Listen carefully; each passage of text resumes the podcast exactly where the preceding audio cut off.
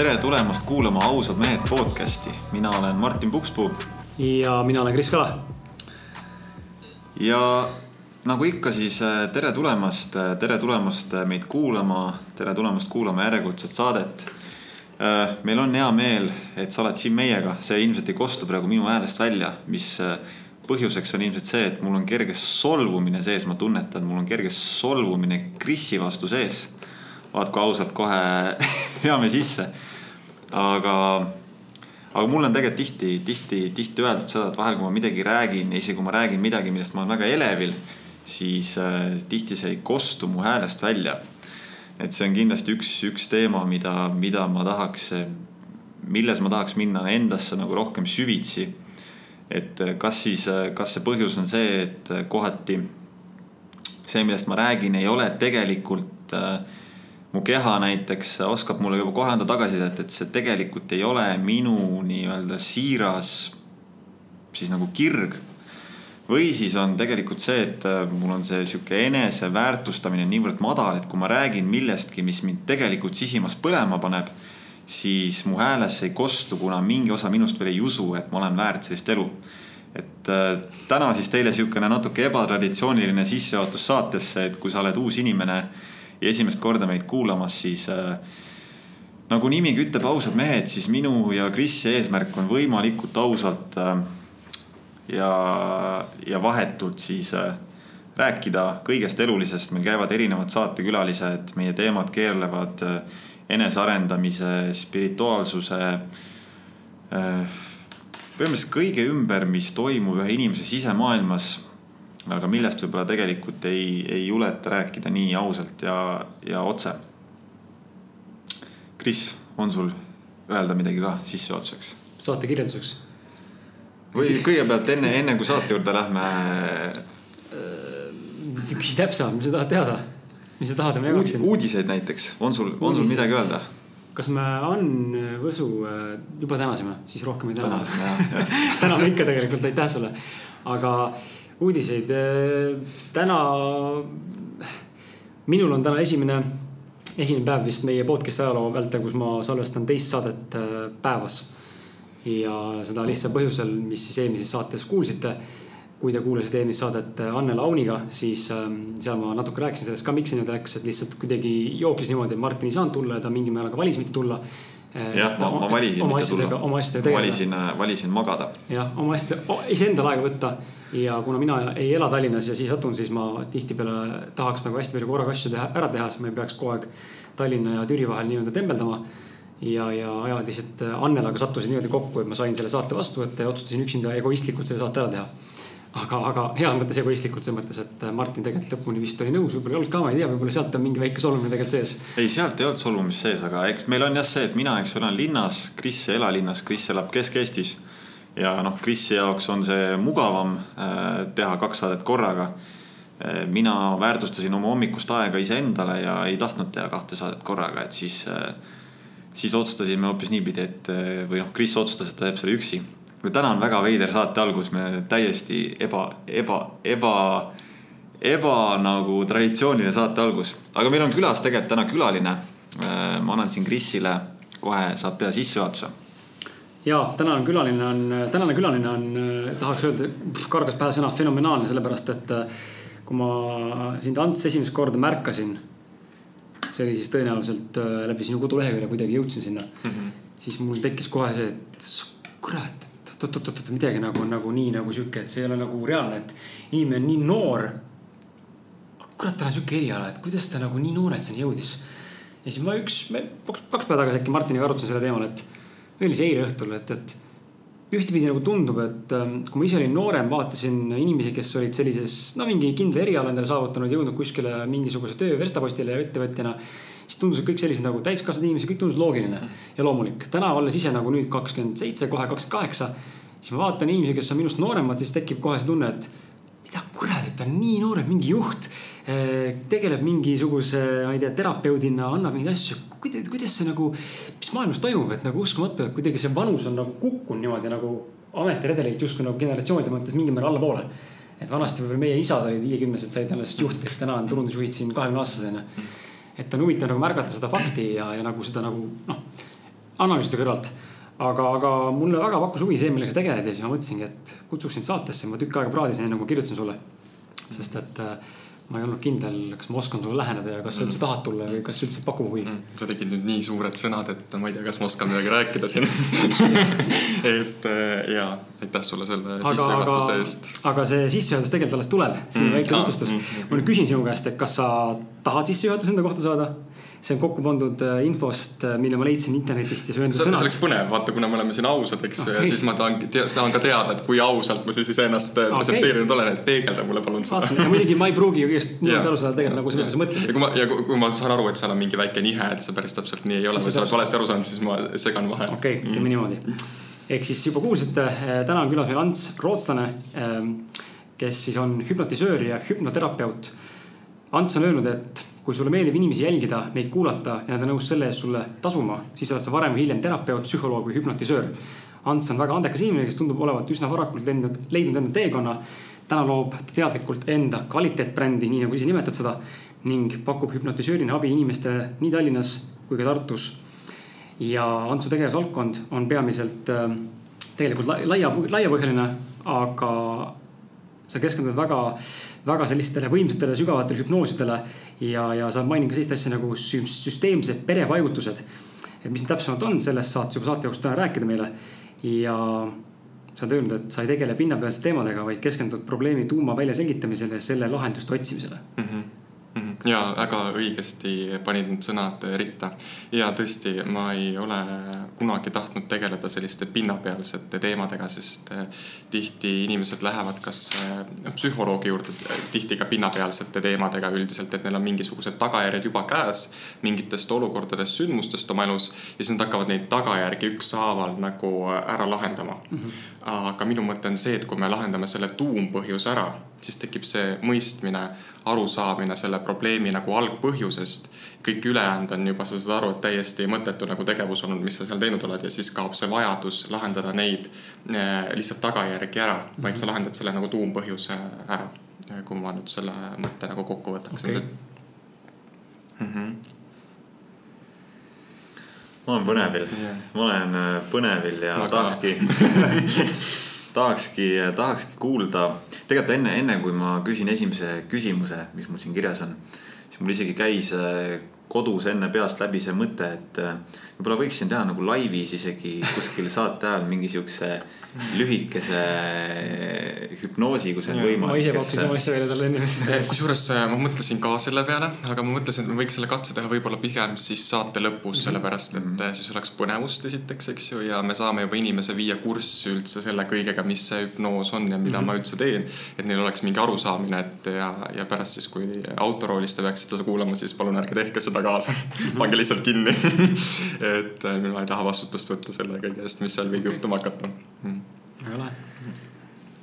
aga see saade on äh, hästi põnev minu jaoks, ma olen väga põnev, natuke, natuke hirmus ka ausalt öeldes natuke hirmus. aga lepime kokku, et ärme pane ühtegi ootust, eks ju, sest ja, ja, ma absoluutselt, äh, ma ei ole ette valmistunud põhimõtte pärast, sellepärast et ma tahaks, et see saade oleks täpselt see, mida teie täna tahate teada. ja mida mul on siis öelda, et ma olen viimasel ajal võtnud vastu sellise otsuse, et äh, ma ei anna meediale ega väga sellistele pinnapealsetele küsimustele, ma ei viitsi lihtsalt vastata mm. -hmm. et ja ma tegin selle otsuse ja pärast seda, kui ma selle otsuse tegin, siis hakkasid tulema sellised nagu päris päris, päris, päris küsimused. ja sellised päris, päris ajakirjanikud, kes tahavad nagu sügavuti teada, mis asi see hüpnoos on, mis on see perepsühhoteraapia, mille, mida ma nagu teen, eks ju.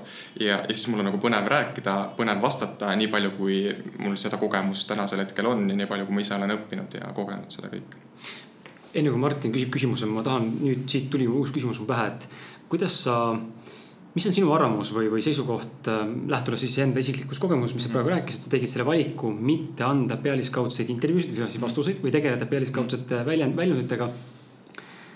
enne kui sa vastad sellele, ma küsin enda seisukohalt, et ma olen teinud ka elus ütleme üks viis-kuus aastat tagasi tegin teadliku otsuse mitte suhelda inimestega, kes mulle enam nii väga ei meeldi ja, ja üritada mitte üldse panustada pinnapealsetesse suhetesse ja suhtlemistesse, mis võivad tekkida kuskil tänavapildis juhuslikult kedagi nähes, et aa, tšau, kuidas sul läheb. Sorry, mind ei huvita. aga sellega kaasneb tavaliselt see, et kui ma tulen nagu selles mõttes, kui ma ise tulen sellest siirast kohast ja ma tunnen, see on minu soov eh, filtreerida, mis info ma tahan vastu võtta, mida ma tahan anda ja kellele ja kellega jagada. siis teise inimese võib olla see väga solvav mingi hetk, võib tekkida see mulje, et sind justkui tembeldatakse kas siis egoks, ülbeks, võib-olla isegi munniks on ju, mis iganes veel, vabandust, ropendan on ju aga et kuidas sina seda vastu võtad, et mis see nagu, kas see vastab tõele, et inimestele meeldib niimoodi hakata noh, sind justkui nagu seda inimest kritiseerima või mõistma hukka.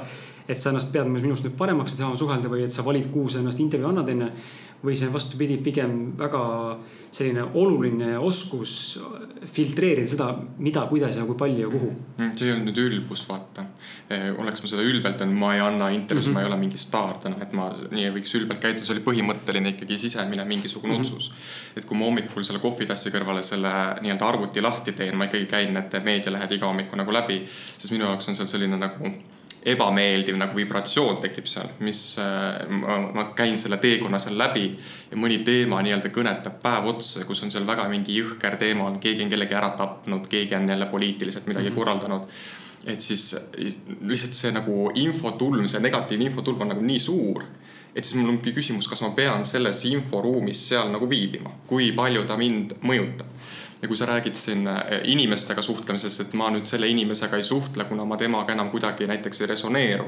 siis kui sa teed mingeid valikuid või kasvad sisemiselt, siis mingil hetkel need inimesed vahetuvadki, sellepärast et sinu sisemine kasv ei luba enam mingis mõttes äh, suhelda inimestega kes justkui tõmbaksid sind alla tagasi mhm. mm. -hmm. ma ei mõtle siin jälle ülbelt, kõrgelt kuidagi või kõrgilt kuidagi, et ma olen nüüd hästi kõva ja suur ja, ja, ja. valgustunud, mida iganes, absoluutselt mitte midagi sellist. aga kui sa oled mingisuguse sisemise rahu nagu saavutanud või sellise, saanud aru, mis see keskmes olek on ja siis, kui tuleb keegi sinu ümber ja kogu aeg nagu vibreerib nende nagu mõttetute nagu draamadega, siis kas sa tahad sellega suhestuda, kas sa tahad sinna panustada, see on nagu see küsimuse koht, eks ju mm. -hmm. ja sa võid täiesti ausalt teinekord ka rääkida oma nendest vaadetest sellele inimesele, kui ta mõistab sind, jah, siis ta mõistab, aga kui ta ei mõista, siis see on tema lugu üldse, et mhm. tema põhjus see, et ta solvub, tema põhjus see, et ta peab sind ülbeks ja see on ainult tema enda sisemine küsimus, mitte sinu oma ja ühel hetkel, kui sa nii-öelda arened, siis äh, ka nii-öelda oma hinge poole pealt, siis ühel hetkel tekibki see olukord, kus sa ei tahagi enam lävida nii paljude inimestega. et võiks arvata ka, et ma käin palju seltskondades, et ma lävin väga paljude inimestega aga kui sa lävid kogu aeg väga-väga äh, paljude inimestega, siis sinu see enda õrnus või ehedus nagu kaob ära. Mhm. et see nagu hägustub, sellepärast et sa kogu aeg justkui, kui sa seltskondades ka käid, eks ju, ikka meil on mingid maskid või rollid, eks ju, mida me seal etendame aga kui sa ühel hetkel nagu oled saavutanud sellise taseme, et sa äh, saad nagu käia kõikides seltskondades samamoodi, sind aktsepteeritakse täpselt sellisena, nagu sa oled. siis jääb see õrnus ehedus alles, aga sul ei jää need inimesed alles mm. -hmm. ja see on katsumus mingis mõttes, et kus sa nüüd ühel hetkel istud seal kodus ja, aga sulle ei helistagi keegi enam. ja sul ei teki ka soovi enam kellelegi ise helistada. ja see, see on mingis mõttes selline eraklik elu ja, ja mõnes mõttes on see hea minu meelest on see väga lahe, ma olen seda mm. kogenud päris jõuliselt mm. tundub, et me kõik vist saame noogutada, et mul viimased kõned on siin, ongi Martini elukaaslane ja mm.. Martini elukaaslane Martin ja elukaaslane, mul ei olegi Martini elukaaslane jah. et Martini elukaaslane ei olegi, mul ei helista mitte keegi niimoodi -hmm. on kõik ja ma ise ei helista ka mitte kellelegi, isegi, isegi vanemad ei helista mulle. -hmm. ma isegi ei, ei helista enda vanematele, on eriti kurb mõne, mõne jaoks on ju. aga jah, et elu on sihuke läinud niimoodi ja, ja ma käisin üks päev äh, Siiri Isaski juures, ta teeb kodus endal nüüd viljakuivatis, ägedas viljakuivatis teeb kontserte ja selline hingamiskontsert oli ja ma lihtsalt kontserdi lõpus jäin temaga vestlema. ta elab seal üksinda metsa sees, no ma pole nii hullu metsa veel näinud, üks naisterahvas on ise üles ehitanud nagu talu mm. -hmm. ja siis, kui suur nagu see tahe või jõud või see eraklikkus peab olema, et sa nagu üksi seal nagu möllad. siis ma lihtsalt küsisin, kuidas sa nagu selleni nagu jõudsid. siis ta ütles ka, et algus oli ikka päris raske, et ta võttis lihtsalt selle hetke, kus ta sai aru, et ehk see keskmes olek on nagu mingisugune nagu hõbeniit ja et sellest nagu püsida, tal oli vaja nagu füüsiliselt ennast nagu proovile panna. ja siis ta ütleski, et ta võttis, tal on hästi pikk sirge tee seal, kus ta jooksis. ja ta kujutas ette, et kõik need äh, põllud, kuhu ta tahtis kogu aeg vaadata, et need on justkui need nii-öelda väljad, kus need inimesed on, see on meedia, see on see ühiskonnagrupp, kolmas ühiskonnagrupp. ta kogu aeg nagu heksles pilg, pilguga nagu ringi. ühel hetkel ta sai aru, et kui ta iseenda seal nagu pilku nagu otse ei hoia ja selle iseenda keskmes ei ole, siis ta nagu, ta ei saagi aru, et ta seal nagu jookseb, eks ju, et ta nagu täiesti laiali siis ühel hetkel ta ütles, ta avastas, et kui ta nagu jooksis ja vaatas ainult otse, siis ta hakkas märkama ka, mis seal nii-öelda kõrval toimub üheaegselt. aga see ei mõjutanud teda enam mm, -hmm. ei seganud kuidagi. see oli hästi sügav mõte, ma ei ole seda lõpuni enda jaoks kusjuures veel mõtestanud. aga see lihtsalt see mõte, et kuidas jõuda selle nagu kohaloluni ja kui palju see ümbruskond tegelikult selles osas mõjutab ja kui suurt töö see tegelikult iseendaga on mm. -hmm. Martin, jälle sama, sulle meeldis. mõtle, mõtle paus. mul on see küsimus, küsige nüüd midagi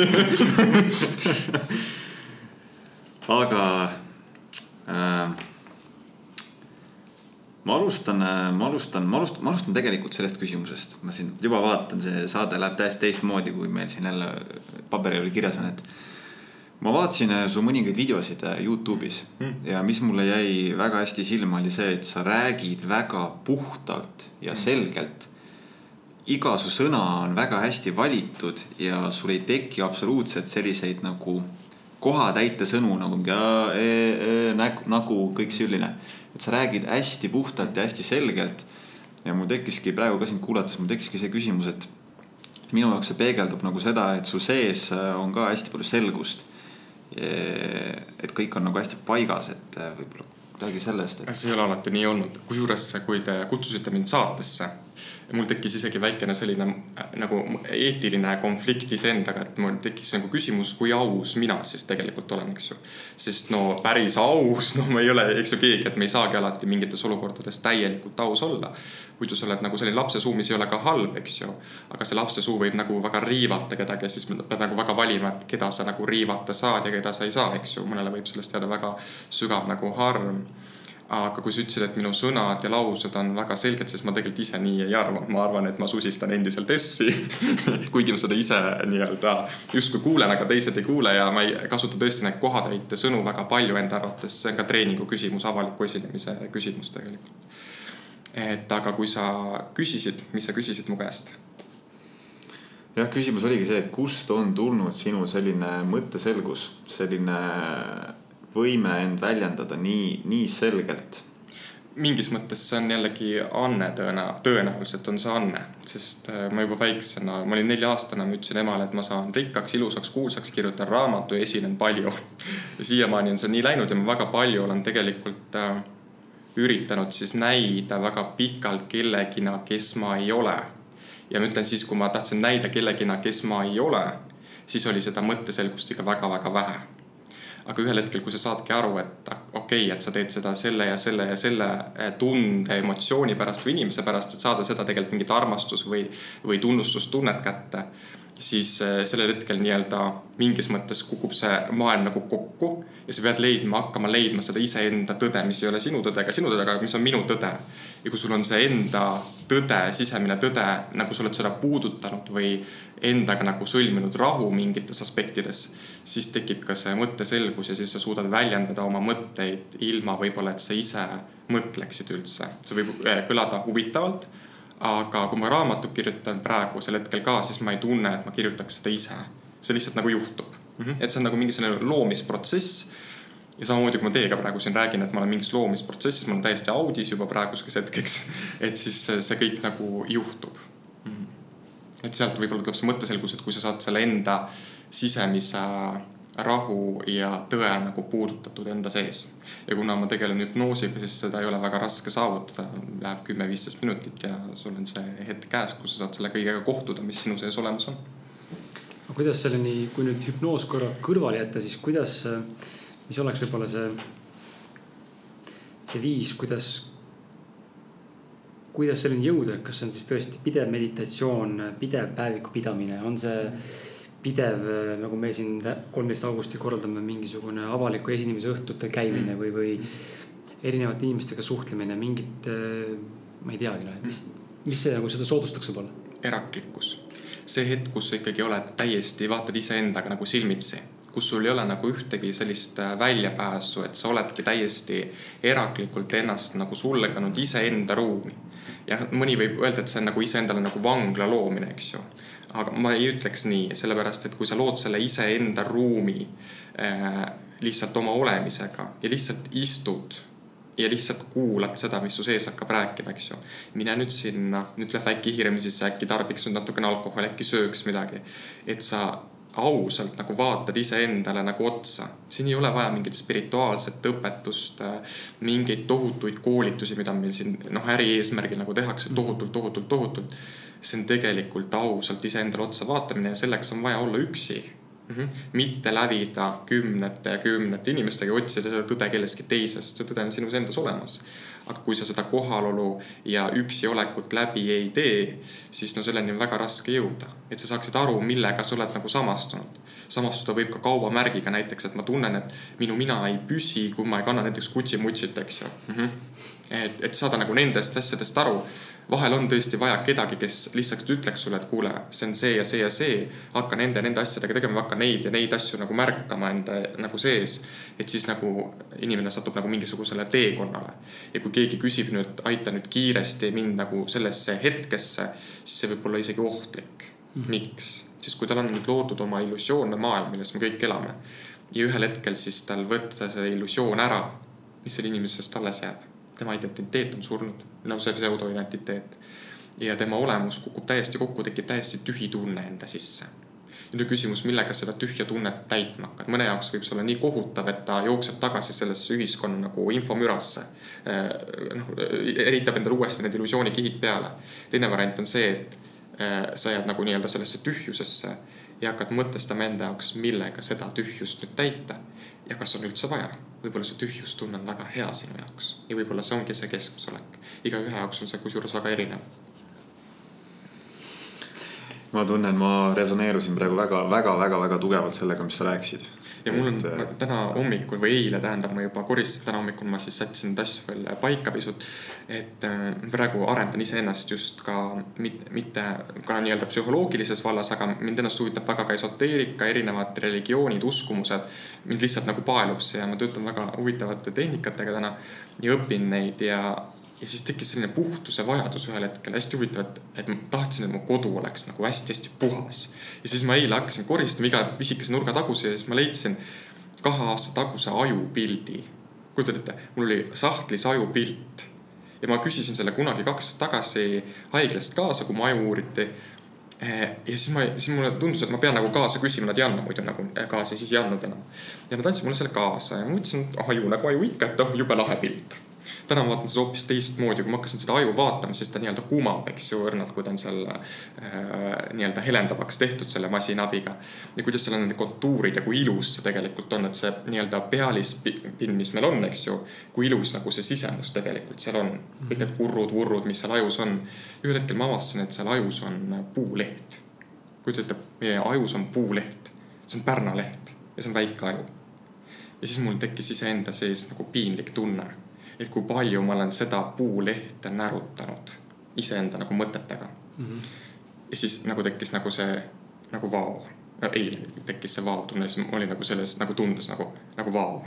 et, et miks ma nagu olen nagu seda teinud, et kui, kui enne kui see ajupilt nagu tehti, ma lihtsalt nagu kuivatasin nagu ahjus seda puulehte ja siis ma sain aru, kui, kui sümbioosis me tegelikult oleme nii selle looduse kui inimeseks olemisega endaga, et me kõik on justkui nagu üks, eks ju, eraldatus on mingis mõttes nagu illusioon.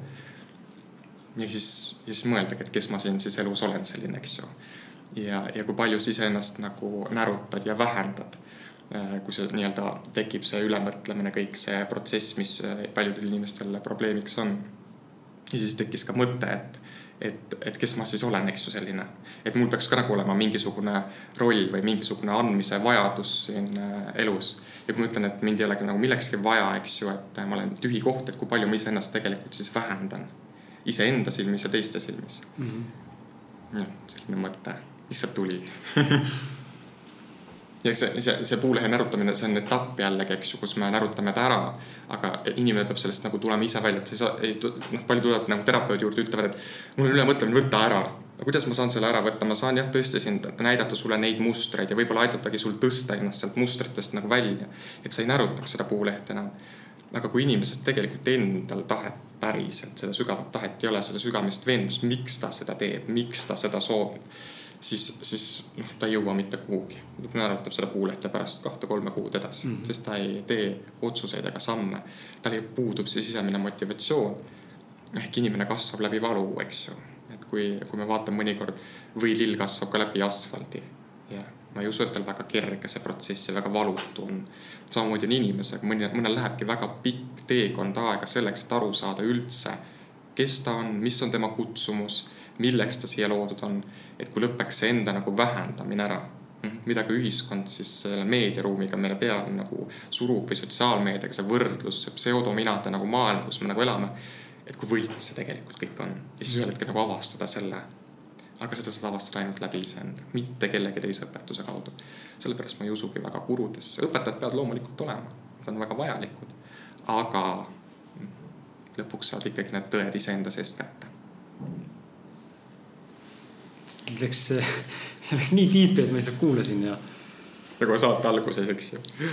minu, minul oli see nagu, nagu, nagu muusika mm -hmm. sind kuulata, sest et see, nagu ma jõudsin korra vahele öelda ka, et see, minuga resoneerus see nii tugevalt mm. -hmm sest ma tunnen, äh, minu jaoks see sisemise arenguprotsess on nagu täpselt, täpselt seesama mm. -hmm. et äh, endaga, endaga istumine ja, ja endale võimalikult ausalt otsa vaatamine, et ükski, ükski raamat ega ükski guru ei saa seda, saa seda minu eest teha mm. -hmm. ja ma võin, ma võin lugeda raamatust mingeid kontseptsioone, ma võin lugeda, kuidas teoreetiliselt äh, nii-öelda näha läbi neid enda neid äh, maske ja egokihte. aga see on ainult kontseptuaalne nii-öelda teadmine, et ikkagi see protsess on vaja ise praktikas, eks ju, läbi teha. Mhm. ja kogeda seda aega ja teinekord öeldaksegi, et, et väga palju aega kulub selleks, eks ju. aga see kõik on nagu protsess, et Uku Masing on hästi öelnud, et ei ole ühtki üürikest aega. Et kõik, kui sa oled nagu ise nagu hetkes ja koged seda kõike, eks ju, siis on põnev et seda nii-öelda kõike kogeda, mis sinuga siis juhtub, et see valu nagu läbi teha.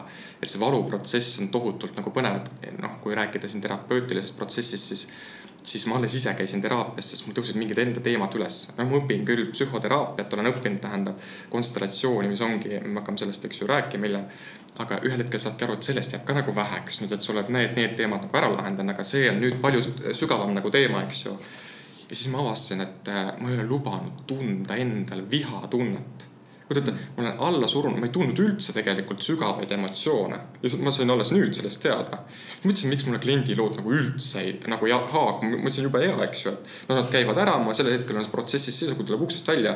mul, mul tõesti on nagu selles mõttes, ma ei saa seda kaasa võtta, kõik, ma oleks ise Seewaldis või kuskil iganes, eks ju siis. aga, aga jah, et, et avastada nagu järjest neid kihte, vahel on vaja mingit head psühhoterapeuti kes siis näitaks sulle lihtsalt ära, et kuule, see, see, see, see teema on ka veel lahendada, eks ju.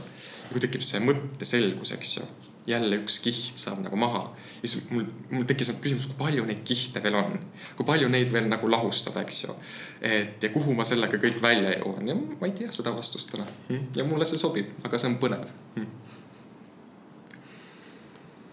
väga äge, väga äge.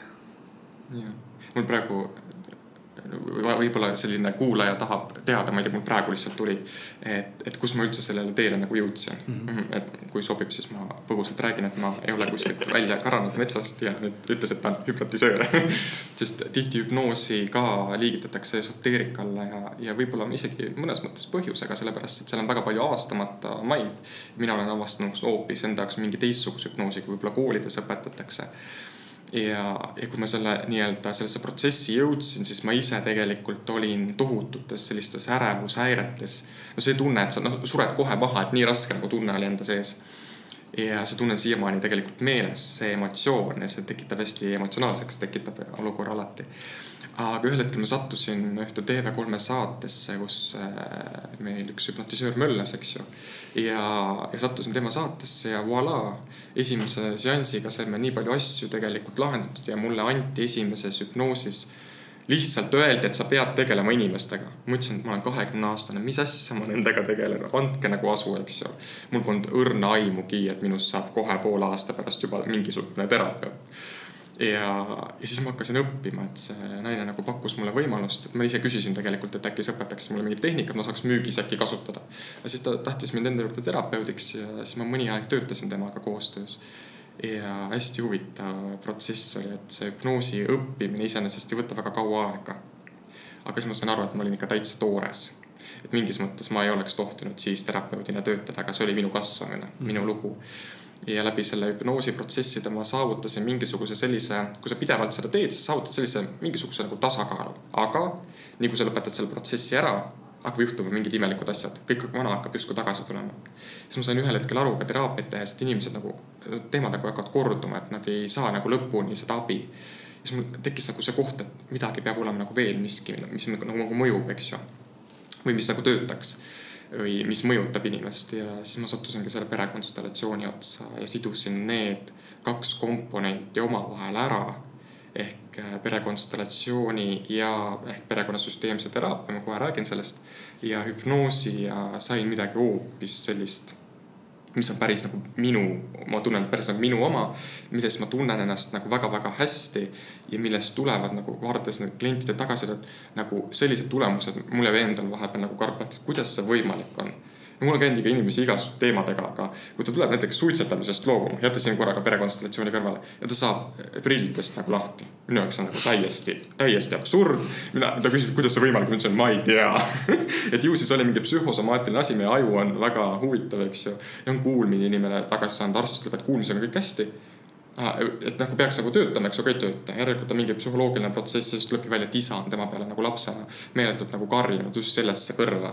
ja nii-öelda süüdistanud teda, tekkinud see häbi ja süütunne ja see on nagu kuulmise ära blokeerinud. kui huvitav, eks ju, ja kui selle ära lahendatud kuulmine tagasi. no see ei ole alati nii, aga selle kliendi puhul juhtus nii. aga ma toon sulle enda pealt korra näite, äkki sa oskad lihtsalt vastata. mul on kurguga mingi teema, ma kirjutasin tegelikult sulle ka, kui sa mäletad, kui sa mäletad mm. -hmm meditsiiniliselt on all fine mm. -hmm. aga ma pidevalt neelan ja mul on äh, kogu aeg on sihuke nagu, sihuke vastik, vastik tunne nagu oleks mingi tükk kurus mm see on võib-olla esiteks üks äh, noh, ärevuse äh, mingisuguseid reaktsioone või siis on mingisugune lihtsalt äh, blokeering. noh, ma ei oska öelda praeguselt, mis see on, eks ju. aga kui sul on nii-öelda kurgus mingisugune tükitunne, siis tihti on ärevuse puhul üks sümptomitest on see, et on nii-öelda kurgus selline tükitunne ja see võibki olla ainukene nii-öelda sümptom, ei pruugigi olla rohkem mingeid sümptomeid ja, ja siis võivad olla mingid väljaütlemata asjad ja midagi sellist, et seda saabki siis lähemalt, eh, kui ma vastust ei tea, ma tihti ei tea mingitele asjadele vastust, sest inimene teab iseenda kohta tegelikult kõike. siis läbi hüpnoosi ongi võimalik minna avastama ja vaatama, mis see teema siis seal on, eks ju. mis on see tükk või mis on see tunne seal, mis tegelikult pesitseb, mis tekitab seda nii-öelda füüsilist nagu raskust või tunnet seal mm -hmm aga äkki räägid natuke põgusalt enda lapsepõlvest ka, et mm. kuidas sa üldse jõudsid sinna punkti, kus, kus sa olid see, ma vaatasin ühte videot jälle, kus sa mainisid, et sa olid kuueteistaastane noor mees mm. ja su elu oli paras segapundar mm.. et mis, mis viis sind sinna sellesse segapuntrasse ja mm., ja, ja jah, see nagu nii-öelda see veel nagu eellugu mm -hmm. sellele hästi huvitav oleks rääkida, eks ju, selline hästi traagiline lugu, et siis inimesel nagu pisarad voolaksid ja siis hakkaks kahju ja kõik muu selline. tegelikult, kui vaadata, kui ma täna oma kliente vaatan, siis mul on jumala õnnelik lapsepõlv jah, seal oli mingid sündmused, eks ema-isa vahel, miks nad ka lahku läksid, eks ju, ja. ja ikka, kui lapsed näevad kõrvalt midagi sellist, mida nad võib-olla ei peaks äh, nägema kõrvalt või mis nende psüühikat mõjutab siis loomulikult äh, see annab mingisuguse laksu ja meil kõigil on neid olukordi isegi väga toredate vanematega, kus äh, laps äh, nii-öelda saab omale need mingid traumad või mingisugused no, programmid, mis hakkavad tema elu mingis mõttes justkui nagu hävitama või laostama tulevikus. ja, ja, ja kui ma nii-öelda kaheksa aastaseni elasime koos isaga siis on hästi oluline, kui ma vaatan nüüd tagantjärgi üldse seda lapse nii-öelda arenguprotsessi et minu jaoks oli see täpselt mingis mõttes nagu piisav aeg, et ma isaga ei tundnud kunagi sellist nagu lähedast suhet. sellepärast, et me olime justkui, mul oli niisugune tunne alati, et ta kardab mind ja mina teda kartsin ka ja näiteks kui, kui teistele kahele vennale anti teinekord võib-olla rihma või vitsa, midagi sellist, siis mind ei puudutatud kunagi. võib-olla sellepärast ma olin pesamuna, aga ma ei tundnud nagu sellist sidet temaga absoluutselt. Ja, ja siis, kui me ära kolisime, siis ma olingi nagu ema laps, eks ju ja noh, ma suhtlen isaga ikkagi ja suhtlesin siis ka väga aktiivselt. aga ma ei tundnud kunagi sellist nagu emotsionaalset sidet mm. -hmm. ja nüüd siis, kui ma seda nii-öelda pereteraapiat olen õppinud ja, äh, ja vaadanud neid asju, mis seal kõik seal nagu taga on, eks ju. et kus, kus vahepeal ongi see tunne, et aga miks sa ei ole oma isa või ema selle, selle asja eest lubanud endal nagu vihata, mis ma ütlesin, ma ei ole lubanud vihata. sest ma olin nii lojaalne oma vanematele lihtsalt. Ja mul oli lihtsam need emotsioonid nagu alla suruda, kui neid väljendada et neil oleks nagu hästi, sest lapsed tahavad alati oma vanemaid päästa, ükskõik kui hullud nad ka ei ole. ja, ja kui me nüüd nii-öelda läksime sealt isa juurest ühel hetkel ära, siis tegelikult äh, see protsess läks üsna nii-öelda valutult, noh. elu nagu elu ikka, ei olnud nagu midagi nii, nii väga nagu rasket. aga lihtsalt, kui sa jõudsid nagu teismeikka, äh, oli selline nagu, kuidas ma ütlen lubate mingit asja praegu rääkida, hästi huvitav. Äh, kui ma jõudsin sellesse kuueteistkümnendasse eluikka, ma pean ühe asja vahele jätma, lihtsalt miskipärast ei lubata rääkida. sisemine plokk tuleb ette Äh, kui ma jõudsin kuueteistkümnendasse eluikka, siis pärast põhikooli lõpetamist ma ju suundusin kohe tööle, mis oli hästi huvitav, mul ei olnud otsest vajadust. mul, oli kästud minna, ei olnud seda, et ma pidin ise teenima midagi niukest, absoluutselt mitte. aga lihtsalt, kuna mu onul oli telemarketingi firma, siis ma teadsin talle resoluutselt, et ma tulen sinu juurde tööle. tema ütles, vana Mark, sina tööle ei tule, sina rääkida ei oska. mis mõttes ma rääkida ei oska, ta ei tundnud mind lihtsalt inimesena siis. ja, ja kui ma läksin tema juurde tööle, siis äh, kooli kõrvalt, siis siis esimesed need nii-öelda protsessid, mis ma müügi nii-öelda kõnesid hakkasin tegema. Nad läksid nagu hämmastavalt hästi, mul tekkis selline adrekas ja power'i tunne nagu siis, vau, et ma suutsin praegu selle perepaketi nagu maha müüa, eks ju, kümme liiget, täitsa lõpp. ja siis tekkis see edutunne ja siis ma sattusin sellest sõltuvusse mingil mõttes ma hiljem tean, et see on nii-öelda kõik isale tõestamine olnud, eks ju. et vaata, kui tubli ma olen, vaata, ma saan hakkama, kas sa nüüd annad mulle selle armastuse, kiituse, mida ma nii nagu väga vajan? Et äh, ja siis ma sellesse protsessi sattusin sisse, ma hakkasin noorpoliitikuks, ma arvasin, et minust saab kõva poliitik, mul oli eesmärk äh, seitsmeteistaastaselt saada kahekümne neljaselt Riigikokku. no täiesti niisugused pseudoasjad, ma nagu töötasin järjest erinevates firmades, ühe firma all küll nad rentisid mind siis erinevatesse siis äh, nii-öelda müügisektoritesse ja saavutasin seal mingid protsessid ära, ma sain selle edutunde kätte ja siis ma sain aru, et mul seal enam midagi ei ole teha. võtsin järgmise, järgmise, järgmise asja, kuni ühel hetkel siis üheksateistaastaselt ma juhtisin ise juba müügitiimi, kümme liiget, seda oli päris palju.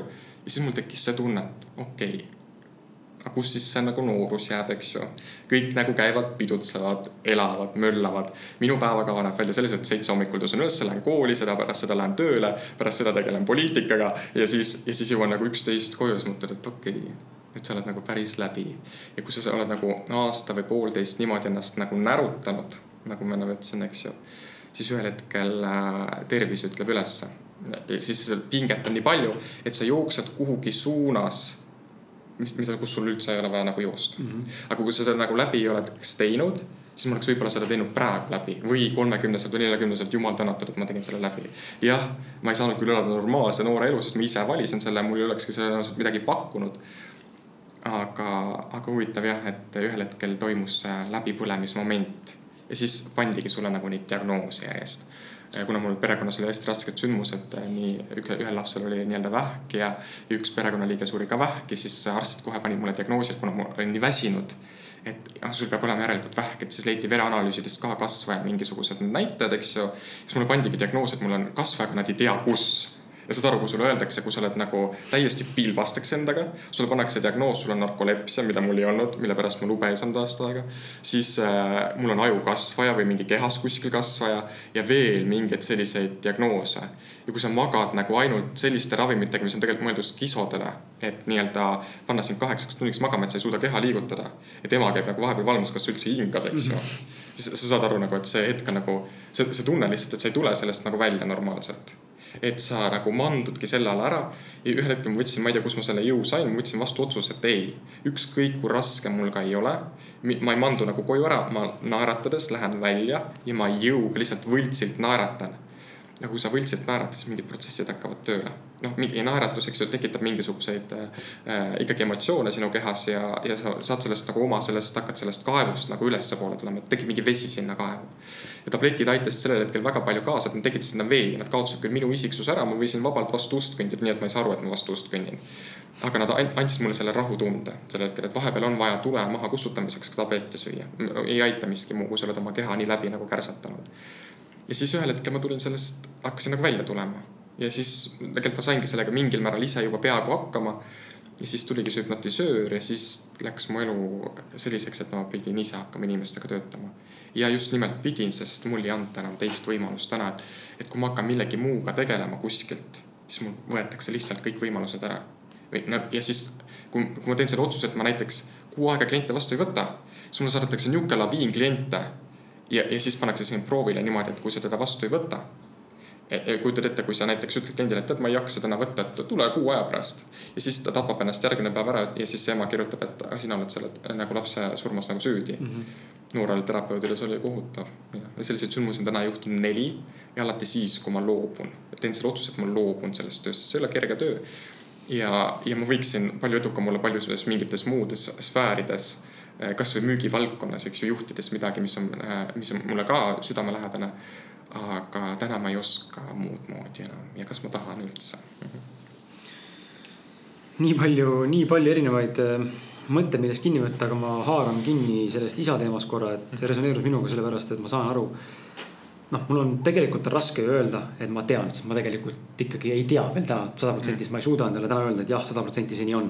aga mul on tunne et ähm, ka minul on väga suur tõestusvajadus enda isale mm.. ja, ja sealt on tulnud ka minul võib-olla see enesesoorituse enesetõestamise vajadus, mis tegelikult peegeldab ka seda, ma pean isale tõestama, et ma saaksin selle kiidulause lõpuks, et kuule tead poiss mm, -hmm. sa oled tubli. ja tead, kui hea tunde sa nagu sa teraapias nagu lähed terapeudi juurde ja siis lõpuks nii-öelda isa esindaja siis, kes on seal näiteks võõras inimene või lihtsalt suvaline tool, eks ju ja siis, kus nagu see nii-öelda tajud seda isa, ütled talle kõik välja, mis sa temast nagu mõtled, eks ju. a la ma vihkan sind, sa oled nõme, aga üks osa minust ka nagu armastab sind, eks ju. ja siis tehakse rollivahetus. pannakse sind isa rolli ja isa pannakse sinu rolli mm. -hmm ja siis sa saad nagu tunnetada, mis see isa, protsessid hakkavad kestma, mis, mis see isa tegelikult tahab sulle öelda, eks ju. ja siis, kui tulevad need laused näiteks, et ah, ma olen tegelikult väga uhke oma poja üle, siis tekib nagu see sisemine rahu et ma ei pea enam võitlema, ma ei pea enam vihkama. jah, ma ei pea võtma vastu seda osa, mis, mis on minu jaoks võib-olla olnud halb tema juures, eks ju. aga ma saan võtta vastu selle osa, mis andis mulle elu mm. -hmm. ja see on nii oluline, et sealt see ressurss vastu võtta, sest noh, ema-isa on kõige olulisem, kui me läheme nüüd perekonstellatsiooni ja üldse pereteraapiasse, siis kõige olulisem tasakaalu leidmise punkt on läbi oma vanemate sest sa oled viiskümmend protsenti loob sinu elust sinu vanemad niikuinii, viiskümmend on võimalik ise luua aga seda viitekümmet ei ole võimalik luua, kui sa ei võta neid vanemaid vastu, sealt seda ressurssi vastu. Ja mida ma selle all mõtlen, ongi see, et ükskõik millised meie vanemad ei ole olnud, tihti näiteks emad jätavad lapsi maha või isad kaovad kuskile ära, eks ju. miks, mis, miks on nii läinud siis, eks ju et inimene tahab teada, miks see on nii läinud, miks mu isa käitus ja miks mu ema käitus nii. et tal tuleks see sisemine rahu, et ta saaks nad vastu võtta mingil tasandil, seda nad teraapias tulevadki otsima. seda, miks nad on nagu paigalseisus, miks nad ei leia seda sisemist rahu, kuigi nad on võib-olla kakskümmend aastat juba mediteerinud see ei aita, see mediteerimine, see tekitab lihtsalt sul mõtteselguse. Ajus on selline asi nagu hipokampus, ta rahustab selle maha, suurt midagi rohkem ta ei tee. selleks, et kui sa tahad mingit lahendust või sellist kergustunnet püsivalt saada, selleks on ikkagi vaja psühhoteraapiat ja mitte nõidu. ma olen kategooriliselt väga nõidade vastu, ma ei arva väga hästi neist äh, ja, ja sellepärast ma ei luba ka iseennast kunagi mingiks selliseks esoteerikuks nimetada, võib-olla ma jõuan selleni kunagi. aga praegu mulle meeldib väga psühhoteraapia, ma näen, kui palju see aitab just see ema-isa töö, mis on kõige-kõige olulisemad. et võtta nad vastu täpselt sellisena, nagu nad olid, sest nii sa võtad ka iseennast tegelikult vastu. selle elu, mis nad sulle andsid. ja kujuta ette nüüd inimest, ma tean inimesi ja ka terapeute, ka hüpnotisööre, kes on oma vanemad täiesti ära lõiganud. nagu eraldanud ennast, neil ei ole vaja, nad saavad kuskilt kõrgemaid selle jõu. ei saa. kui sa ei ole sealt seda maist ressurssi kätte saanud, siis minu küsimus on üldse, kes sa oled siis, eks ju sa pead püsima ainult mingi pseudominade või läbi teiste inimeste püsid sa. sest kui su oma mina, mida psühhoteraapiaga teeb, ta tugevdab seda oma mina tugevaks. ja kui sul see oma mina on tugev, selleks on meie vanemate ressurssi vaja, vanemate valm-, nõusolekut, et sa üldse oma ellu läheksid, eks ju. ja kui sul see oma mina nagu on tugev siis ühel hetkel sa võid mulle öelda siin, et kuule, sa ajad nii debiilset juttu, et, et äh, mul on nii kahju, et ma su saatesse kutsusin, eks. mul oleks sellest täiesti suva et, et see nagu hetk, et kus sa saavutad selle, et su oma mina nagu püsib, sul ei ole vaja nagu kedagi teist ja selleks ei pea väga palju isegi praktikat tegema. piisab sellest, kui sa te, nagu tekitad selle kohalolu ja valmisoleku võtta oma vanemad vastu, siis tekivad nii-öelda positiivsed introjektid oma vanematest, mis aitavad meelel areneda ja need vanad nii-öelda vigased mälupildid siis nii-öelda eemaldatakse või kustutatakse, muudetakse, muudetakse ümber siis ühel hetkel tekib see lihtsalt nagu selline õnnetunne, et ah sa lihtsalt nagu oled, elad ja sul on ükskõik, mida need teised teevad. sa oled nagu iseendale kõige olulisem sellel hetkel. mina ei jõudnud selleni läbi vaimsuse, vaid läbi psühhoteraapia. jälle mõte, mis minuga nagu resoneerub, ma ei saa öelda jälle sada protsenti, ma seda tunneksin, aga just see, sa kirjeldasid väga hästi seda, mida ma olen võib-olla üritanud siin Martinile, võib-olla siin saates on see kuidagi välja tulnud. seesama tunne, miks ma jätan mõnikord siukse endast võib-olla sellise kalgi ja ükskõikse mulje. et kui ma mingis asjas olen teinud otsuse või, su või suutnud nagu tulla otsusele või minus on tulnud mingi otsus minu enda seest, mis mulle tundub minu, minu tõeline olemus. siis välisele tundub see justkui nagu solvavalt mm. -hmm. aga, aga ma ju tunnen ise, et ma tulen tõest, enda tõest mm. -hmm. see, kas see, see, see ei saa olla vale absoluutselt mitte, mis see tõde üldse on, eks ju, igaühe jaoks on see väga, nagu ma saate alguses ütlesin, igaühe jaoks on tõde väga individuaalne. see, kuidas tema elu on nagu olnud, kujunenud, kõik, mis need inimesed tema ümber kunagi on olnud, eks ju. ma arvan, nendest lõplikutest, noh, lõpuni nendest programmidest nagu vabaks saamine või oma mina täielik nagu diferentseerumine või püsimine. ma arvan, et see on väga suur töö, ma arvan, Osso saavutas selle mm, -hmm. et see oma mina oli täielikult eraldunud oma ema-isa saatusest, sest mingil määral me oleme niikuinii põimunud oma ema-isa saatusega. mingil määral. see on, noh, ma olen, minu professionaalne huvi täna on see, eraldada nagu täielikult, jõuda ka sellele tasemele, mitte valgustunud tasemele, absoluutselt mitte. aga et jõuda sellele mina tasemele sellisel kujul, et mina püsin ja mul on ükskõik, mis ümberringi mind toimub. ja kui sul on ühel hetkel tekkinud see olukord, kus su oma mina on nii tugev ja kus sa oled saavutanud sellise kohalolu, rahulolu enda tõe, siis sinu ellu ei tule enam selliseid inimesi, kes sinu peale nagu solvuks. sa hakkad hoopis teistsuguseid inimesi oma ellu meelitama, mitte meelitama võib-olla halb sõna, aga nii-öelda sa hakkad nii-öelda peegeldama midagi muud iseendast. Ja kui muutub peegelpilt sinust, siis muutub ka nii-öelda kõik see väline sinu ümber, eks ju et see on mingi etapp ja see on jälle kulgemine, eks ju, kus me peame nagu läbi minema. jah, see solvumus tulebki, sa kujutad ette, kui palju mind naerdi välja või isegi mõnitati selle hüpnoosi teemaga. kus sa nüüd tule mingi noor kutt, mis hüpnoosi, petad raha välja, jube äge, eks ju ja siis ma elasin sellel poolteist aastat, aga ma tänan kõiki neid inimesi täna, kes nii ütlesid, sellepärast et see oli tohutu kasulava.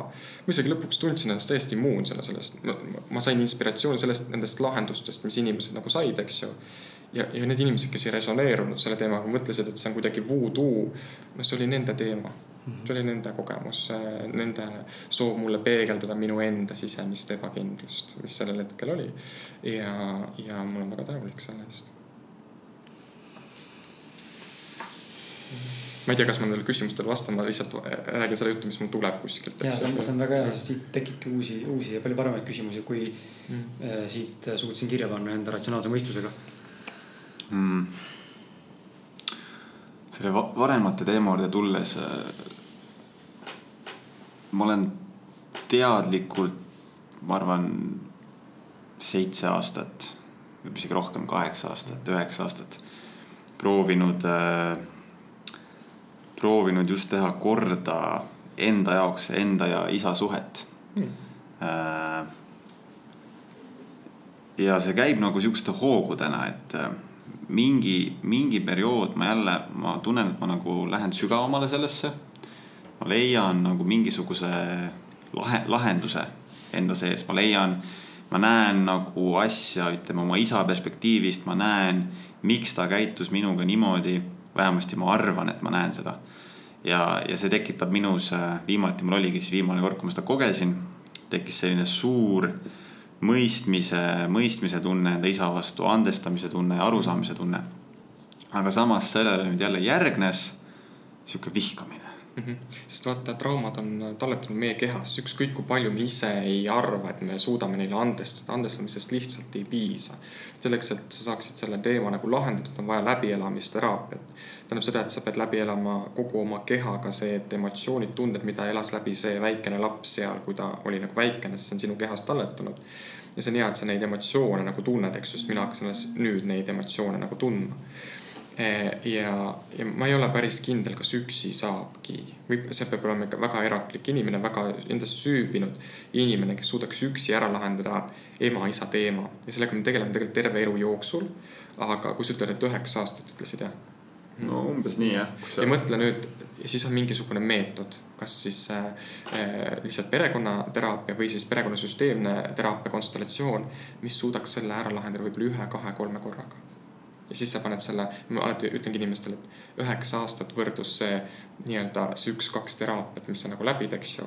et sa tunned nagu kohe seda muutust, et sa saad kohe nagu selle rahulolu, sul tekib kohe mõistmine, miks nii käituti, miks nii öeldi. just need rollivahetused, eks ju, emotsioonide läbielamine, trauma vabastamine. ja siis sa oled nagu juba kergemal nagu teel ja juba saad järgmise teema otsa minna, sest esialgu tunduvad meile need teemad väga niisugused suured ja rasked ja niisugused nähtavad, eks ju, mingil kujul. mida rohkem sa iseendast neid teemasid nagu koorid, seda peenemaks nad lähevad.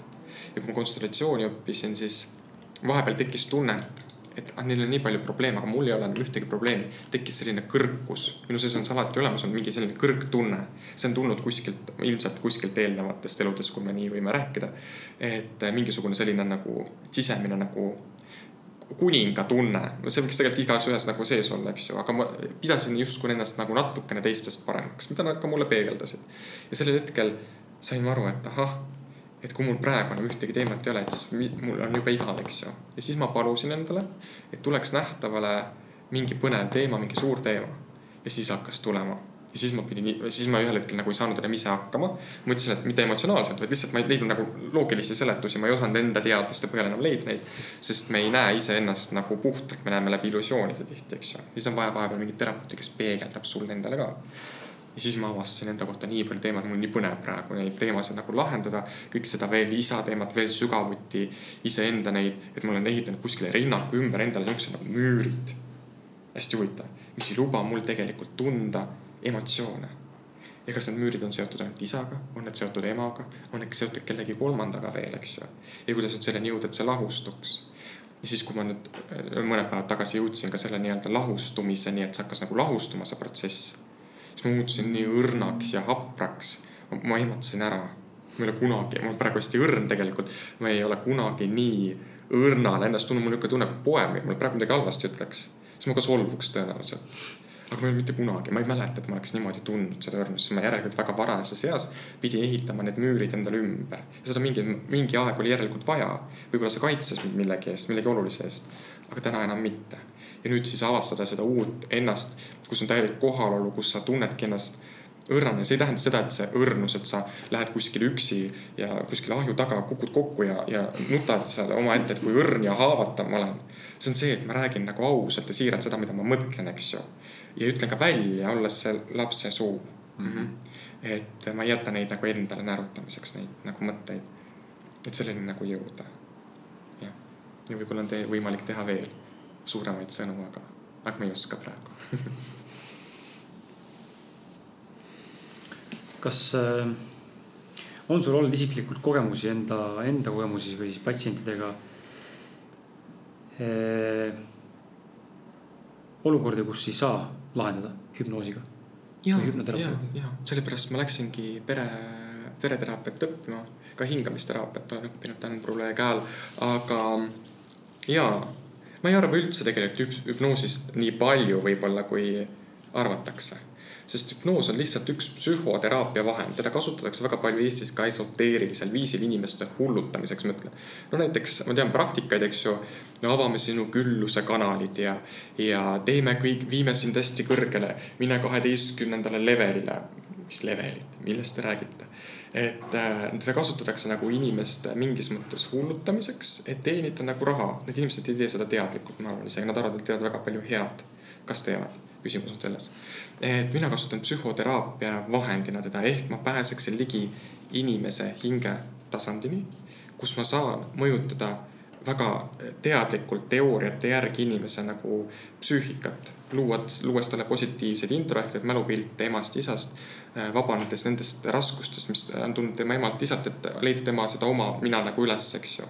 ja su küsimus oli, et kas hüpnoos on alati hea abivahend, eks ju. ja, kas ta on, on olukordi, kus võib-olla see hoopis ei aitagi üldse? mõnikord inimene tuleb hüpnotisööri juurde, aga ma ütlen, ma ei saa sulle hüpnoosi teha et siin ei ole lihtsalt hüpnoosi midagi lahendada, et hüpnoosis saab lahendada, ma võiks isegi ütelda, öelda, et niisuguseid kergemaid teemasid võib-olla ema-isaga just seotud ja mingid noh, niisugused ka sõltuvusteemad ja, ja mingid hirmud. hirme saab väga kiiresti ära võtta hüpnoosiga aga kui on väga rasked olnud sellised seksuaalsed näiteks kuritarvitamised, niisugused traumatöö, siis traumatöö on hoopis midagi muud, et see on see, et me hakkame mängima temaga kas siis nukkudega teraapias, et ta saaks hakata leidma seoseid ja nukkudega mängimisel selle vestluse käigus juba ta on selles protsessis, sest terapeutiline protsess, kui talle avaldub nukkude kaudu tema elu, siis mõni ütlebki, kas sa oled selgeltnägija, et sa tead läbi nende nukkude nagu rääkida. ta alateadlik meel toob selle pildi esile ja kui ma näen selle pildi ära, mis seal on, siis me hakkame mängima toolidega. Äh, näiteks kui ma ütlen, et see tool on praegu sinu ema, eks ju, siis mõne hetke pärast, kahe minuti pärast sa tunnedki, et su ema on nagu siin ruumis. see on selline loodud protsess, eks ju ja siis me hakkame mängima, hakkame rollivahetusi tegema, hakkame möllama seal selle kogu temaatikaga, otsima neid juurpõhjusi veel sügavamalt läbi elama, vihkamist välja elama, kõike, kõike seda. et see on nii mitmetahuline, et, et ma ei ole ainult hüpnoosil nagu truuks jäänud, minu jaoks on lihtsalt väga hea abivahend, abivahend minu pseudomina toitmiseks mingis mõttes, et ma olen ehitanud mingi turundusliku kuvandi endale hüpnotisöör andes, eks ju, see töötab, see toimib võib-olla ta on omal ajal praegu, aga järjest rohkem ma tunnen, et see ei ole päris mina mm. -hmm. et ühel hetkel võib-olla see kontseptsioon muutub. milliseks ma ei oska öelda. et ma täna ei jookse enam kuidagi, kas siis nende klientide järgi või mingi tuntuse järgi. Ühel hetkel, kui sa saavutad selle enda nagu teema, mis sa nagu tead, et sa oled selles nagu hea, siis nagu jutt levib ise ja need inimesed hakkavad ise sinu juurde tulema. ei, sellel ei ole vahet nagu palju sa küsid sa pead alati küsima ka rahaliselt nii palju, et sa tunned, et, et sa, et see annab sulle midagi nagu vastu, sest mul on vaja ka nagu elada. ja teinekord, kui nüüd üks kutsus üks ärimees üks päev Tartust eraldi nagu Tallinnasse, temal oli vaja see õhtu kindlasti teraapiat, sest tema viidi psühhoosijooga eelmine päev haiglasse, ta ei tahtnud seda korrata. Ja siis ma olin täiesti nahaalne, kuna mul on ka vaja igasuguseid ravikindlustusi ja asju, mul on vaja ka ellu jääda, siis ma teinekord olen hästi nahaalne. ja siis ma küsisin talt väga-väga suure summa kuna mina pidin õhtul sõitma eh, sinna õhtul ka tagasi, eks ju, siis eh, ma ütlesin talle ühe summa, ma ei hakka seda summat ütlema ja ta oli nõus sellega. ja siis mul tekkis korra enda sees see vastule, et kas ma oleksin pidanud küsima nii palju mm. -hmm. aga kui ta, kui ta oli nõus nagu maksma, siis ma ei näinud nagu probleemi, tema sai ju abi. Ja tema, see summa oli nagu täiesti tühine tema jaoks, tema eluga nagu võrreldes, eks ju. et siis ongi see, et teinekord on vaja olla nahaalne, et ise ellu jääda ka mm. -hmm. ja sa pead küsima täpselt nii palju et sa tunned, et sa tõesti nagu saad ka midagi nagu natukene nagu vastu, eks ju mm. -hmm. kuigi seda tööd nagu ei saa raha pärast teha, et ma olen kunagi teinud seda raha pärast alguses isegi. võib-olla põnevus ja raha ja kõik see kuulsus, see oli nagu selle juures nagu, eks ju. Aga ühel hetkel sa saad aru, et ainult raha pärast seda tööd kindlasti teha ei saa. sa põled nagu väga kiiresti läbi. see on üldse see, milleni me oleme ise Martiniga jõudnud ja mida on paljud inimesed siin saates ka rääk-, maininud ja rääkinud, et et, et just seesama teema, et ainult, ainult, ainult nagu raha pärast midagi teha, siis see pikas perspektiivis ei ole jätkusuutlik mm. -hmm. ja absoluutselt, absoluutselt. ma üldse ei, täna tunnengi, et ma vist ei saagi midagi ainult lihtsalt raha pärast ära, see on nagu kuivab kokku minu jaoks mm. -hmm. nagu närtsib ära, eks ju. ja siis tekib see sisemine konflikt enda sees, eks ju mul isegi kunagi üks selgeltnägija ütles, et mul on nagu leping silme ees, et äh, see on nagu selline karmavõlg. et sa pead nende inimestega nagu töötama, kõik tegelikult väga paljud terapeudid ja üldse, kes töötavad inimestega, need on selline karmaline teema, kui minna esoteeriliseks pisut, eks ju et mida me siis oleme nendes, mina usun nagu eel, religioonidesse ja erinevatesse vaimsetesse praktikatesse nii edasi. usun ka eelmistesse eludesse, olles seda ise nagu kogenud ja leidnud ka füüsilisi nagu. ütleme nii, ma kogesin ühte eelmist elu ja siis ma avastasin läbi juhuste kogu selle, mis ma rääkisin nagu hüpnoosis, rääkisin nagu ajalooraamatust. Siis mul tekkis päris, see oli päris hirmus moment, sest need emotsioonid, mida see inimene seal nagu läbi elas, see kogemus, kui palju nagu ta halba võis teha, siis ma saan aru, et okei okay,, et ma olen nagu räige tropp nagu olnud, eks ju, mingites eludes. et nüüd ma nagu klatin juba mitmendat elu seda, et nagu saada nagu seda tasakaalu, eks ju mm. -hmm. sest üks elu, noh, kui lühike mingis mõttes ta on, eks ju, eks aga, aga võib-olla oskad sa äkki anda nõu? Nõu on nagu noh, sõna nõu võib-olla vale, aga oskad sa jagada ideid, kuidas leida enda tee, kui inimene on. me räägime nüüd siis sellest, et mida elus teha, kuhu võib-olla liikuda, mis on need väärtused, mille järgi peaks elama, eks ole, ja nii edasi, et kuidas saavutada seda, seda oma teed, leida oma teed ja kuidas saavutada seda rahulolutunnet, sest ilmselgelt see on väga erinev inimestel, sõltub, mis keegi väga otsib, mõni tahab sõita uhkema autoga võib-olla teine onju või suurem korter või suurem maja, aga. Et kuidas nagu saada aru, et ahah, ma tegelikult ajan taga valesid asju või et ma olen täiesti õigel teel ja ma olen tegelikult rahul ka päriselt omadega. või et ma ütlen, ma endale olen rahul, aga tegelikult ma valetan endale, aga ma ei saa aru sellest. sa ütlesid kõik vastused tegelikult juba praegusel hetkel ära. et kui sa ütled, et näiteks inim-, mõned inimesed saavad, tahavad endale saada maja, eks ju, siis tahavad saada väga ilusat autot. aga ühel hetkel nad saavad aru, et nad on selle, selle, selle saanud, aga rahu ikka ei ole tihti, miks inimesed jõuavad neljakümnendates eluaastates alles enesearenguni või siis üldse mingite praktikani, praktikanideni. sest nad saavad aru, et see, millele nad on järgi jooksnud nagu, et see nagu ei toida tegelikult seda hinge. ja siis nad hakkavad otsima, kus, mis on see tühjustunne minu sees või mis on need rasked tunded minu sees, kuidas nüüd leida seda päris oma kutsumust ülesse. ja ma ei saa kunagi öelda, et ma saan inimesele näidata, mis on tema tee. Ma võtaksin selle kogemuse talt ära, selleni jõuda. sest meil kõigil on oma kutsumus, millega me oleme siia tulnud. ja kui see kutsumus ei ole temal avaldunud näiteks nii noorelt kui minul, siis on küsimus selles, et mis tema vanemad jätsid jälle tegemata, eks ju mm. -hmm. miks ta ei ole tundnud seda turvalist, äh, toetavat keskkonda, mis ei ole lasknud tema inimvõimetel nii-öelda esile kerkida, kui palju on teda vähendatud inimesena õpetajate, vanemate, autoriteetide poolt. ja siis öelda, et, et kuidagi nagu, et ma oskaks nagu nüüd siin öelda, et mis on tema inimese tee või kuidas selleni jõuda. ma teinekord laiutan nagu käsi, ma tean jah, et kui sa tegeled nagu iseendaga ja kõik selle vanemate teema saad selgeks, siis need asjad nagu tekivad ise. kui saavutad selle keskme jälle koha, millest me oleme palju rääkinud täna siin, siis hakkavad tekkima nagu sellised ideed, selline põnevus, et see üksikolek on hästi oluline, eks ju. et sa oleksid nagu üksi, oleksid mingi aeg nagu eraklik et sa saad aru, kui palju sul tegelikult on teha, eks ju. Võib-olla sa tahad hakata maalima, mõtled, et asja surm ei ole kuskil seda õppinud, hakkad lihtsalt pihta, eks ju. avastad, et see on mingi selline, mis toidab sinu hinge. järgmine asi avastad, sa nagu köidad nagu muusika, võib-olla mingi turunduspool üldse. et sa iga päev nagu õpid, arened, aga iseenda jaoks, mitte selle jaoks, et ma tahaks seda kohe kuidagi välja paisata kuskile mm, -hmm. vaid iseenda jaoks, et sa tunnetaksid, mis sind nagu puudutab ja ongi see, et sa käid nagu avatud silmadega ringi ja võib-olla testid mingeid asju, mida on paljud tegemata jätnud aja, ajastu tõttu ka. et nad on nagu testimata jätnud, et kas mulle see, see ja see sobib, eks ju. mul oli võimalus vaata testida neid töid erinevaid. ja ma testisin neid töid, et aru saada tänaseks, et ma olen aru saanud, üks müügitöö. ma olen teinud seda sellepärast, et aru saada, et see tegelikult mulle üldse ei sobi. üldse kohe mitte aga ma natuke olen veel selles, sest mul on mingid põnevad asjad, mis ma tahan veel kogeda selles nagu protsessis. aga see tee lõpeb ka õige pea nagu ära. aga et on võimalus nagu olnud kogeda ja kõige sellega koos ka seda valu, nagu ma ütlesin, võilill ei tule ka läbi sealt mm. asfaldi ilma valuta, eks ju. et ta saaks õitsema minna. et äh, õitse seal, kus sa oled istutatud, selline ilus lause ühest raamatust.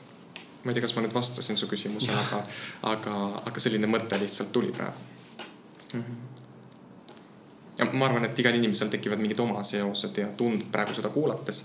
ja võib-olla mõnes inimeses tekib ka protest. ja tihti ma ka teraapias provotseerin inimest, ta võib mõelda, et ma olen täielik tropp-terapeut. vahest on vaja inimest provotseerida, miks? sest ta ei tule muidu sealt illusioonist välja, et oma mina ei hakka kasvama mm. -hmm. teda peab provotseerima. näiteks ütledki, et näed, vaatad isaga. ma näen küll, see lahendust on, aga ma ei tea, kas ma ikka tahan seda lahendada ja siis ma ütlen talle, aga näed, kui seda, seda ei tee, siis näed, siin raha kaob ära, siin sa võid surma üldse saada ta, ta, ta, ta sirmutab teda mingis mõttes, et see oma mina provotseeruks ja et hakkaks kasvama. et see on nagu areng, mis nagu toimub. et äh, ma arvan, et ma olen jõudnud nagu selleni, et kui see, ma olen ka palju sellest täna rääkinud, nagu oma mina saad nagu tugevaks, siis sul ei ole selliseid küsimusi, et mis mu kutsumus on või kes ma selline siis olen, eks ju. sa ei peagi defineerima ennast millegi või kellegina me oleme lihtsalt nagu inimene, nagu inimene on, täpselt sellisena, nagu sa oled, eks ju. oma noh, täiuslikku inimest ei ole, eks. aga jõuda selleni. ja see oma mina, eks ju. oma mina vanematest eraldatud ja ma olen näinud umbes kahe tuhandest kliendist umbes kümmet inimest, kellel on peresüsteem korras olnud. Neil on pseudoprobleemid, hämbliku hirm, võib-olla mingi lennuhirm, mis on tekkinud mingitest kogemustest meie elus või unenägudest lausa neil ei ole elulisi suuri küsimusi. Nende, nad kulgevad oma teel ja nad on oma nagu need anded ja kutsumused nagu leidnud ja püsivad nagu sellel nagu teel ja ühel hetkel, kui nende jaoks see kutsumus läbi saab mingis asjas, nendel ei ole absoluutselt mingit muret astuda järgmine samm kuskile teise kutsumusse mm. -hmm. sest need on oma ressursid vastu võtnud, neil on ressurssi, et liikuda, kogeda. ja nendest saab avalduda nende parim seetõttu et meie vanemate teema on, ma seda väga tahan igal pool rääkida, et see on, see on nagu alahinnatud, räägitakse väga palju psühholoogias, et näed, lapsepõlv on nii oluline. aga mis seal siis oluline on, eks ju. Need arengufaasid, kui, mida tegelikult üks laps läbi teeb. no esimesest kuuenda kuuni näiteks Boweni teooria järgi kes on siis äh, loonud sellise äh, mina nii-öelda teooria, et äh, kuidas lapse arengut nagu teooria psühholoogilise. et esimesest kuni kuuenda kuuni laps on ema nagu mõjuväljas, seda nimetatakse psühholoogias ühiseks kosmoseks, lapse oma mina üldse ei olegi mm. -hmm. Ja siis, kui palju nagu ema peab tegelikult seda last nagu hellitama, rinda andma, turvaliselt hoidma. kujutad ette, kui nüüd ema näiteks nädalaks ajaks ära minema. laps saab emalt läbi selle hellitust, ta saab justkui intro ehk mälupilte ja ta nii-öelda sellel hetkel, kui ema tema kõrval ei ole, ta kujutab teda ette. ja kui ta näiteks läheb nädalaks ajaks ära, siis laps ei suuda nii kaua ema ette kujutada. ja siis tekib mingisugune isiksuse nii-öelda kahjustus juba seal, mingi arengukahjustus ja, ja nagu jõuda nende kohtadeni, kus need on nagu tekkinud, eks ju, seal igal arenguetapil on oma nagu plussid ja miinused kohad, kus tuleb nagu isa roll sinna mängu ja kas, kuidas see kulgenud on, kas ta on näinud füüsilist nagu vägivalda näiteks laps. küsitakse, miks meil on näiteks see Viljandi kooli tulistaja, eks ju, või miks meil sellised sündmused on. nii kurb kui see või hea kui see ka ei ole, aga ma saan neist täitsa aru nendest inimestest. minu küsimus on, mis on juhtunud varem põlvkondade üleselt kui me täna Viljandi kooli tulistajast räägime, siis just meedias nagu lugesin, ma ei tea, kas eile või täna või kuna see vibreeris mulle sealt vastu. mõnikord elan nagu terve päev selle nagu inimese nagu tundega, mida ta, miks ta seda nagu siis tegi, eks ju. ja kui ma kuulen, et ta lapsepõlves isa nagu oli vägivaldne või tema suhtes vägivaldne. siis kui laps on näiteks õrnas eas kolmandast kuni kuuenda eluaastani või veel noorem, kui ta talub nagu füüsilist vägivalda. siis tema keha ei pruugi sellega ega mõistus hakkama saada ja tal ei jää mitte midagi muud üle, kui võtta see vägivalla intro ehk, ehk mälupilt iseenda sisse. ja siis see avaldub täiesti suvalise koha peal, ühel hetkel ta võib võtta relva kätte ja tulistada kellegi maha. ja siis ongi küsimus, et kes siis süüdi on mm. -hmm. kas me siis karistame seda, et selle lapsega on käitutud selliselt, selliselt, selliselt. et kes on see kohtumõistja, eks ju, kas see kohus on siis selles mõttes õige kohtumõistja. ju siis see inimene on valinud jah, sellise kogemuse, seda tulnud siia läbi elama. aga et aru saada laiemalt, et miks need inimesed selliselt käituvad ja miks nad sinnani üldse jõuavad. ja siis ma olengi mõelnud vahest, et äkki siis, äkki siis iseennast mitte vähendades, vaid tõstes, et äkki minu roll ongi siis selles ühiskonnas midagi natukenegi paremaks teha, midagigi. noh, kasvõi natukene, aga kui mina teen natukene ja sina teed natukene mingi podcast'ide, millegi iganes, siis ühiskond nagu kasvabki nagu tervemaks, eks ju. kuigi praegu tundub nagu, et on täielik hullar meil siin lahti kogu Eestis maastikul, aga igal ajastul on omad väljakutsed nii poliitikas, majanduses, inimhingede teemades. ütleme sõjajärgsest ajast, praegu me lakume kõike seda, mis oli nüüd sõja ajal, eks ju. kõike seda tegelikult, see on kõik kordus. iga põlvkonnaga läheb asi järjest kergemaks. aga kas me peame siis iga, jätma oma lastele veel teemasid lahendada, kui me teame, et on olemas meetodid näiteks, millega saab kohe need teemad ära lahendada. ma ei ütle, et ühe korraga, võib-olla kahe-kolme korraga, võib-olla see poole aasta töö aga võib-olla sa päästad sellega kellegi elu näiteks mm., kes muidu oleks juhuse tahtel näiteks nagu täna Tallinna-Tartu maanteel. mootorrattur võib-olla sai õnnetuses surma, eks ju. noh, huvitav. et miks see siis juhtus niimoodi, miks süsteem ta ära korjas? sest me toimime süsteemselt, planeedid, liiklus, kõik, kõik on süsteem, kui sa vaatad, eks ju. linnaplaneering on ka süsteemne ja perekond toimib täpselt samamoodi süsteemne. kõigepealt olid vanavanemad, siis tulevad vanaemad, siis tulevad lapsed, kõigil on oma koht aga teatavate elusündmuste tagajärjel me loodame neid kohti ja lähme kedagi päästma. keegi on süsteemist välja jäetud, näiteks keegi oli mõrvar, temast ei räägitud, ta heideti nagu välja, eks ju. kui see koht on nagu vaba, siis sinu kellegi lastest peab seda kohta minema täitma mm, -hmm. et mhm. süsteem oleks täiuslik. ja siis on küsimus, kelle saatust me elame tegelikult, kelle saatust me kordame. no niimoodi, okei okay,, niimoodi aru saada mm. -hmm. ma lihtsalt üritasin selle perekonstellatsiooni siia sisse nagu tuua praegusel hetkel. et see ongi see põlvkondade ülene teraapia ehk me ei saa lähtuda ainult praegusest, tänasest hetkest. ja miks need psühholoogid ise on nagu hädas iseendaga teinekord, miks nad käivad minu vastu, tuleb psühhiaatrid. ongi see, et nendel ei õpetata koolis. mõni õpe, see on nii tugev nagu ringkaitse arstidel esiteks ja psühholoogidel endal, et see tundub nende jaoks nagu natukene nagu voodoo, eks ju mismoodi võõras inimene saab kahe minutiga hakata mängima näiteks kedagi sinu pereliikmetest, keda sa võib-olla isegi ei ole näinud. täiesti vastuvõetamatu aga meil on peegelneuronid ja meis on kõik see seitse põlvkonda olemas, me saame seda kanda teistesse inimestesse üle. me teeme seda ka oma suhetes kusjuures. ma vaatan paljud partnerlussuhted.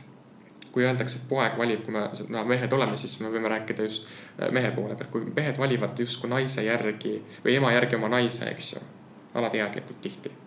siis küsimus ongi selles, et kas sa valid siis lihtsalt mingite iseloomude järgi või sul on olnud näiteks emast väga tugev puudus ja sa paned selle ema või selle naise oma ema rolli ja võtad näiteks viis, kuus või kümme aastat vanema naise endale. siis küsimus on selles, kui ta võtab selle ülekande nagu vastu, seda nimetatakse psühholoogias ülekandeks ja kui ta võtab ülekande vastu, siis ta hakkab käituma nagu sinu ema. ja mis juhtub seksuaalsusega, mis juhtub seal partnerlussuhtega?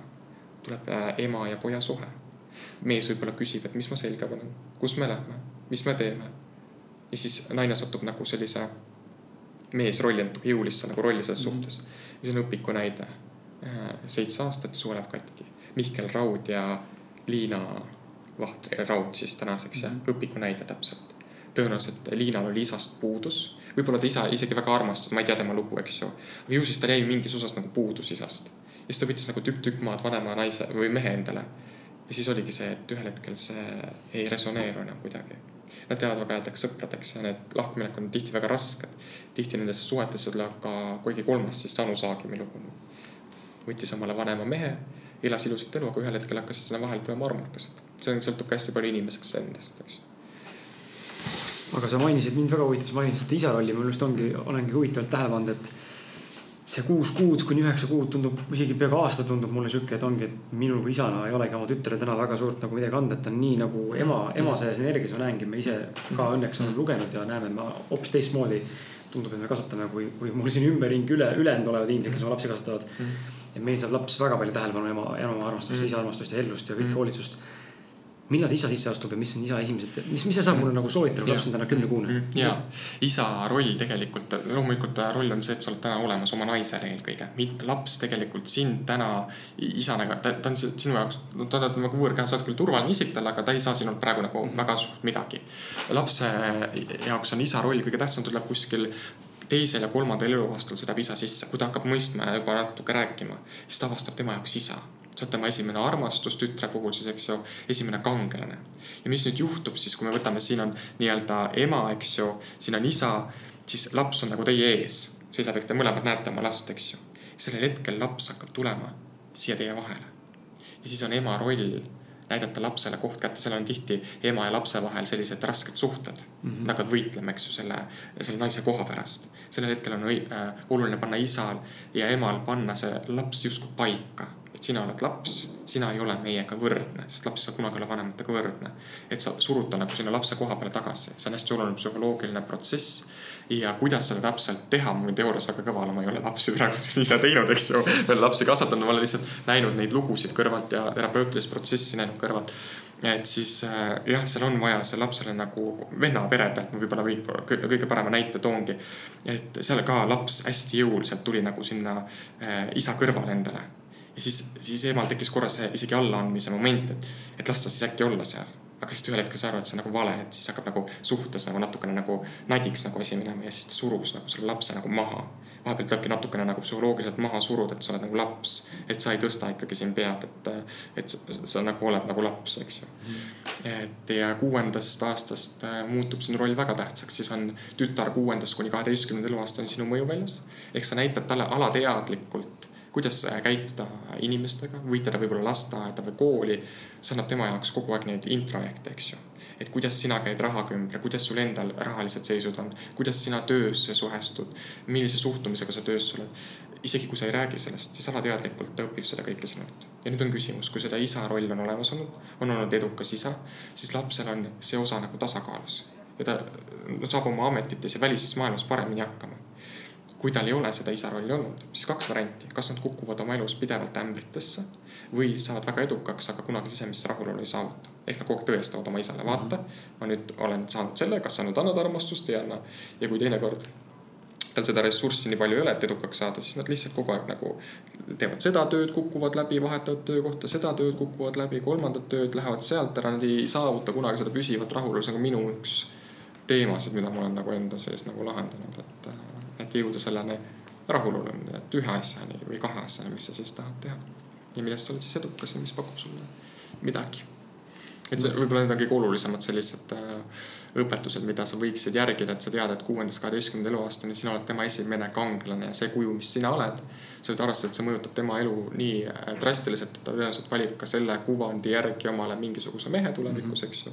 ja siis peadki küsima alati, et milline, milline eeskuju ma siis sellel hetkel nagu olen oma lapsele, eks ju et kui ma nüüd näiteks ema peale seal nagu karjun, eks ju, siis tema suhtumine see, aa, võtab sisse endale selle teadmise, isa võib ema peale karjuda, halvasti käituda. ja siis ta ei mõtlegi selle peale, ta võtab oma samasuguse mehe, kes temaga hakkab nii käituma mm -hmm. ja siis kõik kordub ja kordub ja kordub, eks ju. Need on need intrajektid, mis me enda sisse saame ja see on ainult psühhoteraapia tee. ja, ja miks ma mainin ka selle ära, miks see võib-olla mulle nõiad nii väga siis ei istu, eks ju, kes räägivad mingitest demoniaalsetest olenditest ja nad võivad olemas olla, eks ju aga need ei saa tekkida, kui su oma mina on tugev ja kui sa iseenda teemad oled nagu ära lahendanud. nende kõige suurem probleem on see, et neil on enda teemad kõik lahendamata mm. -hmm. sa ei saa neid tegelikult mingi loitsu millegagi ära lahendada. sa pead iseendale hakkama otsa vaatama, aga neil on endal need kihid kõik koorimata jäänud. ja kui sa nüüd lähed selgeltnägija juurde, tal on enda teemad kõik lahendamata, siis mis läbi varju ta näeb neid asju läbi enda varju ja ta projitseerib sulle enda varju tegelikult. ta võib-olla näebki mingit detaili, aga see tema sees muundub millekski, mis ei ole tegelikult tõde mm. -hmm. ja, ja siis ongi küsimus, mis infot sa sealt saad ja kuhu see info sind viib, sulle pannakse justkui programm peale. näed, sul võib nii, nii, nii minna, tõenäoliselt läheb ka. jah, ja ma isegi nimetaks, et see võib olla needus mingil kujul, vot ma nimetan sellist asja nagu needuseks et väga valida. või manipulatsioon. jah, ma tõesti mõtlen seda, et Kirsti Timmeri kaardid ei valeta kunagi. ma olen Kirsti Timmeri juures ise käinud nagu korduvalt, ma lasin väga palju isiklikku elu vaadata mingil hetkel, kus oli ebakindlust hästi palju. ühel hetkel ma sain aru, et need kõik asjad lähevad täide. et ta nagu, ta ei näe nagu ise, aga ta nägi nagu läbi kaartide. sel hetkel ma otsustasin, et ei, isiklikku elu ma enam ei luba vaadata, aga nüüd ma käin mingeid ärilisi otsuseid tõesti, mis on väga suure kaaluga minu jaoks. kus ma lihtsalt vajan seda sisetundele vahepeal sellist nagu kinnitust, mina ka ikka veel. et näed, võid julgelt seda teha või näed see inimene tegelikult tahab sinust seda, seda, seda saada, et võib-olla ei peaks, eks ju. et hoida ära endal neid, neid nagu olukordi võib-olla, milles ma ei viitsi sipelda täna enam. sest meil on väga palju kurjust siin maailmas, me peame sellega leppima. aga järelikult on ka meis endis järelikult väga palju kurjust ja ka minus on veel väga palju seda kadedust, võib-olla ülbust, mingis mõttes kurjust, mida ma võib-olla ei ole avastunudki veel aga see võib avalduda mingites kohtades täiesti, sellises kohtades, kus ma ei oskaks nagu oodatagi siis mul skorpion, ma võin väga nagu, ma tean, ma võin väga salvata inimest. selles mõttes, et kui ikkagi keegi nagu tuleb ja praegu ma olen tasakaalus, eks ju, aga kui näiteks mingi asi viib mind tasakaalust välja, siis ma võin talle lihtsalt iseendas selle hea tunde tekitada, võin talle selle halva asja nagu öelda välja ka.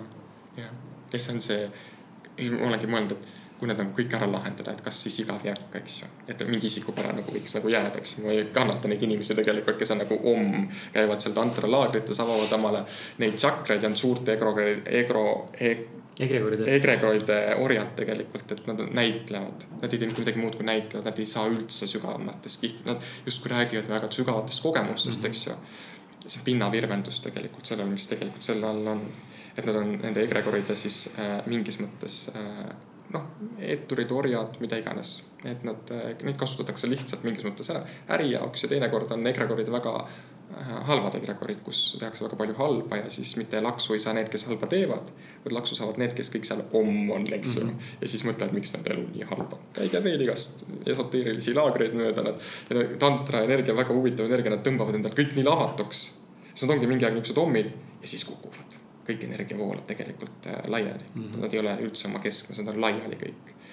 et võib väga äh, illusioonseid äh, tundeid tekkida igas praktikates, et ma soovitan ikkagi, ma kutsuks üles ikkagi väga nagu maiseks jääma inimesi, olles lihtsalt avatud mingitele jah, niisugustele noh hüpnoos, ma ei saa öelda, et ta on täna mingi esoteerika, eks ju, sellises, ta on ka mingis mõttes. aga et nende nagu igasuguste nagu praktikatega kui sa ei ole nagu oma mina ei tunne, et on piisavalt hea, et sa ei tule iseendaga emotsionaalselt toime, siis palun ära mine mingi nõiakoolitusele või tantrakoolitusele. mine psühhoteraapiasse palun või mine psühholoogi juurde. et saa iseennast korda, enne kui sa nagu lähed mingeid selliseid maid avastama, mis võivad väga ohtlikuks kujuneda. tegelikult see ei ole mäng, see on mäng ja see on väga ohtlik mäng. mul on väga hea, et sa seda mainid, sellepärast et äh ma ise olen jõudnud äh, ka selle arusaamiseni, ma ei hakka siin pikalt rääkima sellest, sest see ei olegi praegu üldse nii oluline, aga endal vaimsel teekonnal ka. ma olen väga kardinaalselt vastu kõigele, mis on mingisugune, mingid tehnikad, hingamised, liikumised, avamised minu pärast võib kõik ennast mind persesse pista. et see on ohtlik minu jaoks. ja, et hingamine, näiteks mida hingamine teeb, ma hingamise poolt nagu selles mõttes olen, et minu jaoks hingamine nagu on hea. hingamisega saad väga kiiresti ennast tasakaalustada, isegi baashingamistega, eks ju. et väga head elulised maine asi tegelikult, kuidas ennast väga kiiresti tasakaallu viia. ja teinekord on hingamisega hea näiteks, kui inimesed hakkavad kaitseoperatsioonid üle, et näiteks on piiri peal nisikesi nii-öelda on väga palju draamasid läbi elanud, et neil on nii-öelda väga tugevad sellised kaitseoperatsioonid, ma ei hakka pikemalt rääkima aga neil on, neid saab nagu jõuga viia siis hüpnoosi ja jõuga just selles mõttes, et nad lähevad jõuga läbi kaitseoperatsioonide, selleks ma kasutan hingamist mm. -hmm. Nad hakkavad süvaterapeutilist hingamist tegema ja siis nad jõuavad läbi hingamise sellesse faasi, kus mul on vaja, kus nende meel jääb rahule, kaitseoperatsioon jääb rahule, et ma saaksin neid protsesse tema sees nagu teha aga ma tõesti, ma saan sellest aru, et hingamine, näiteks ka inimesed, mul hingamisterapeudid käivad vastuvõtul ja noh, ma vaatan kümme aastat hinganud. no kurat, kus see lahendus siis on, eks ju, miks sa ei ole saanud seda tulemust ja see ongi see, et hingamine võib vabastada midagi sinus, aga ta ei pane sulle asju konteksti. sinus ei teki positiivseid äh, introekte, vanade introektide asemele mälupilte ja siis saa mitte midagi muutuda, sa vabastad kogu aeg midagi, aga see kõik tekib tagasi, sest sa ei ole enda sees loonud seda uusi nii-öelda mõttemustreid maailma. Mm -hmm.. ehk selles mõttes on ta pointless tegevus, aga ta on väga oluline enda rahustamiseks selliseks kiireks stressi leevendamiseks, väga kiireks energiate liigutamiseks, väga ilusad praktikad on hingamisel. just nimelt ilusad äh, kogemiseks, mitte äh, psühhoteraapiaks. jah, seal ongi väga vahe. ma ei, ma ei ole hingamist nagu nii detailidesse läinud, aga ta on ka terapeutiline hingamine justkui. aga ma ei ole näinud, et see tooks selliseid püsivaid mm -hmm. tublisi lahendusi mm. -hmm okei okay. Infot voolab niimoodi, mul on hea meel, et sa räägid niimoodi palju, sest et see on üks üle pika aja üks sihuke saade, kus ma tunnen, kus me Martiniga põhimõtteliselt peaaegu et üldse ei räägi, mis on väga hea mm.. et see ei ole nagu negatiivne märkus ega mm. tähelepanek, vaid see on just hea see, et ma tunnen, et mul on nagu hea kuulata vahelduseks, kuidas keegi räägib. Sest ma ise täna tunnen, et ma ei ole nii pädev, et ma suudaksin sinuga vist rääkida sellistel teemadel niimoodi nagu kaasa ja küsida võib-olla väga täpsustavaid küsimusi mm. -hmm. ära vähenda ennast, vaata, see on jälle see vähendamise küsimus, eks ju, ma võin ka tunda näiteks, et, et näiteks siia ruumi tulles mul võib olla ka endal sees näiteks see tunne, täiega esimest korda kohtus, kas ma üldse peaks siin olema, eks ju mm -hmm.. see on see meie see väike mina, mis hakkab nagu peas rääkima, et äkki sa ei ole ikkagi piisavalt hea, eks ju. noh, võib-olla, võib-olla ei olegi, aga noh ühel hetkel kõik lihtsalt ise juhtub, et sa usaldad seda protsessi. ja kui rääkida siin usaldusest, mis on hästi oluline, mis minu jaoks on tohutu probleem, mis ma alles avastasin üleeile enda jaoks. ja mul on üks õpetaja, kes mind õpetab äh, nii-öelda personaalselt ja avastasin selle, et mina räägin kõikidele usaldusest. kui, kui küüniline mingis mõttes ja siis ma avastasin, et ma ei usalda sügavamal tasandil tegelikult äh, ei iseenda uskumusi hästi, et ma praegu räägin sellest avalikult, hästi huvitav. et, äh, et usaldus inimeste suhtes, kuna on palju siia esoteerilisse maailma mingis mõttes kui ma tulin hüpnoosiga siia nii-öelda sellesse terapeutilisse maailmasse, siis minu jaoks ma sattusin korra esoteerilisse maailma. ma sain hästi palju peksa, et ma hakkasin ise kasvama, ma ei oleks täna siin, kui ma ei oleks nii palju peksa saanud ja kõik need, kes peksa andsid. kui te kuulate, aitäh teile, ma kingin teile sada lille.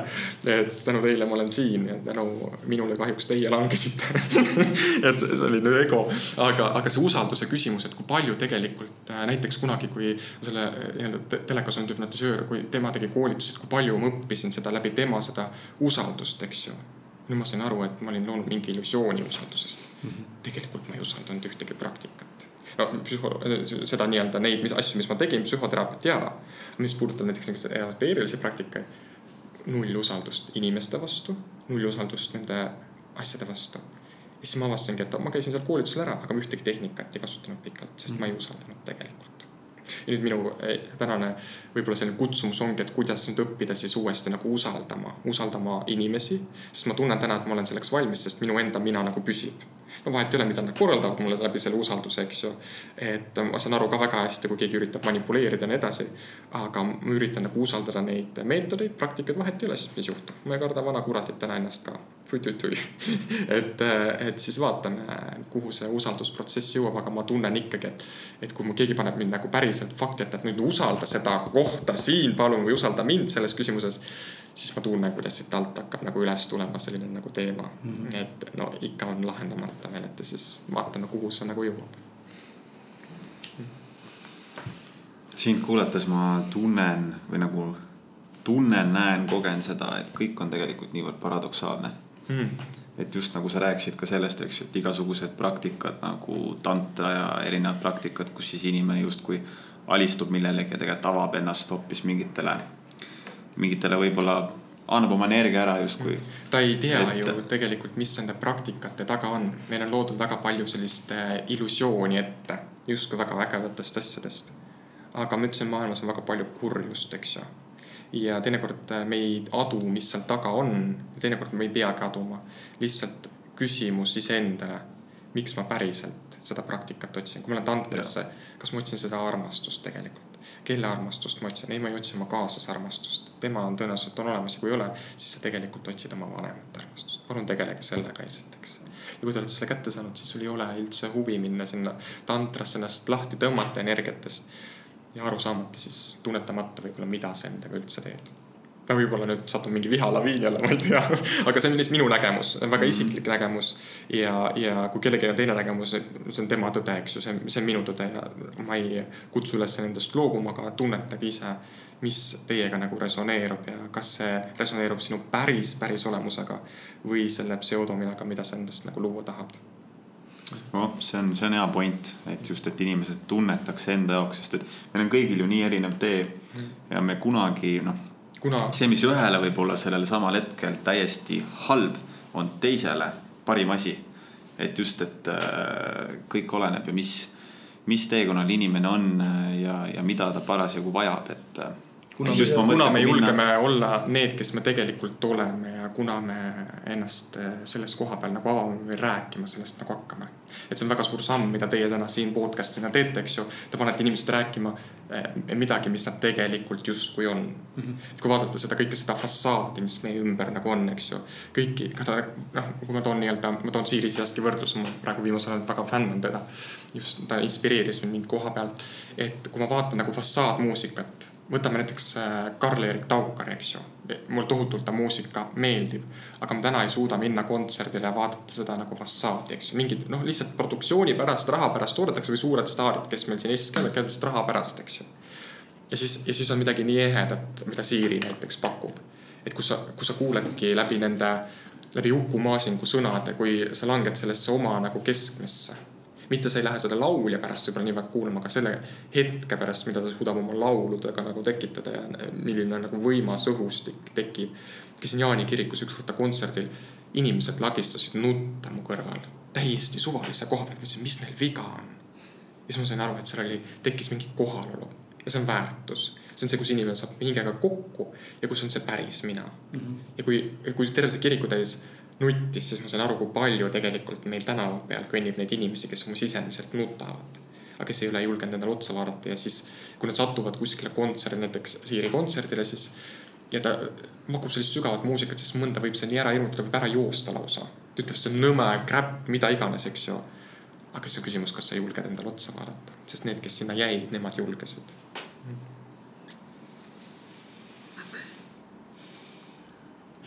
küsida küsimusi on selline, mul taas tuleb pähe ka just seesama, mis sa mainisidki. ent küsida neid küsimusi endalt eh, asjade kohta ja uurida ja puurida ja. ja ma ei mõtle küsimuse nüüd selle, et küsida, nüüd ma lähen vastan või otsin vastuse Google'ist, vaid küsida neid noh, eksistentsiaalseid filosoofilisi küsimusi mm. -hmm. kas see on see, mis minuga, minuga täna resoneerub, kas ma tahan seda tõesti teha, kas mul on seda vaja teha? ja kui keegi räägib, vaata hästi palju tehakse mingeid tõelisi, tõelisi mingeid minalaagreid või mingeid hästi, ma olen viimasel ajal hästi palju nagu täheldanud, eks ju. ja vaatan seda programmi sisu, et meditatsioon meditatsioon, meditatsioon, mingi joogapraktika, kus see mina sealt sa leiad ülesse. sa ei leia seda läbi grupi üldse, sa leiad oma mina ülesse üksi olles kõige paremini. sul ei ole vaja selleks mingeid laagreid asju. see on jälle see ego vajadus, eks ju ja teinekord inimesed otsivad seda oma mina, et hakata ise inimesi nagu päästma või see, ma ei tea, mis ma sellest räägin, praegu lihtsalt tuli. et see väga, väga palju ma kohtun sellega, et inimesed ütlevad, ma tahan nagu maailma päästa mm. -hmm. kui suur egoism no,. missioonitunne. mis missioonitunne, kui suur egoism tegelikult selle taga on. sest sa ei, sa ei saa päästa kunagi maailma, saad päästa kõigepealt iseennast ja kui sa nüüd iseenda nagu oled ära päästnud sellest ahelatest, sest need on väga katkised inimesed üldjuhul, siis see maailm muutub sinu ümber ja siis sa ei tunne enam seda vajadust, sul tekib rahulolu. ja selle oma kohaloleku rahuloluga sa tervendad kogu seda ümbruskonda, mis sinu ümber on. ja kui nüüd sina ja sina ja sina nüüd kõik on nagu selle nagu tee leidnud, siis mida me siin päästame, eks ju, keda me siin päästame? kõik saavad iseennast päästa, kui on tahtmist.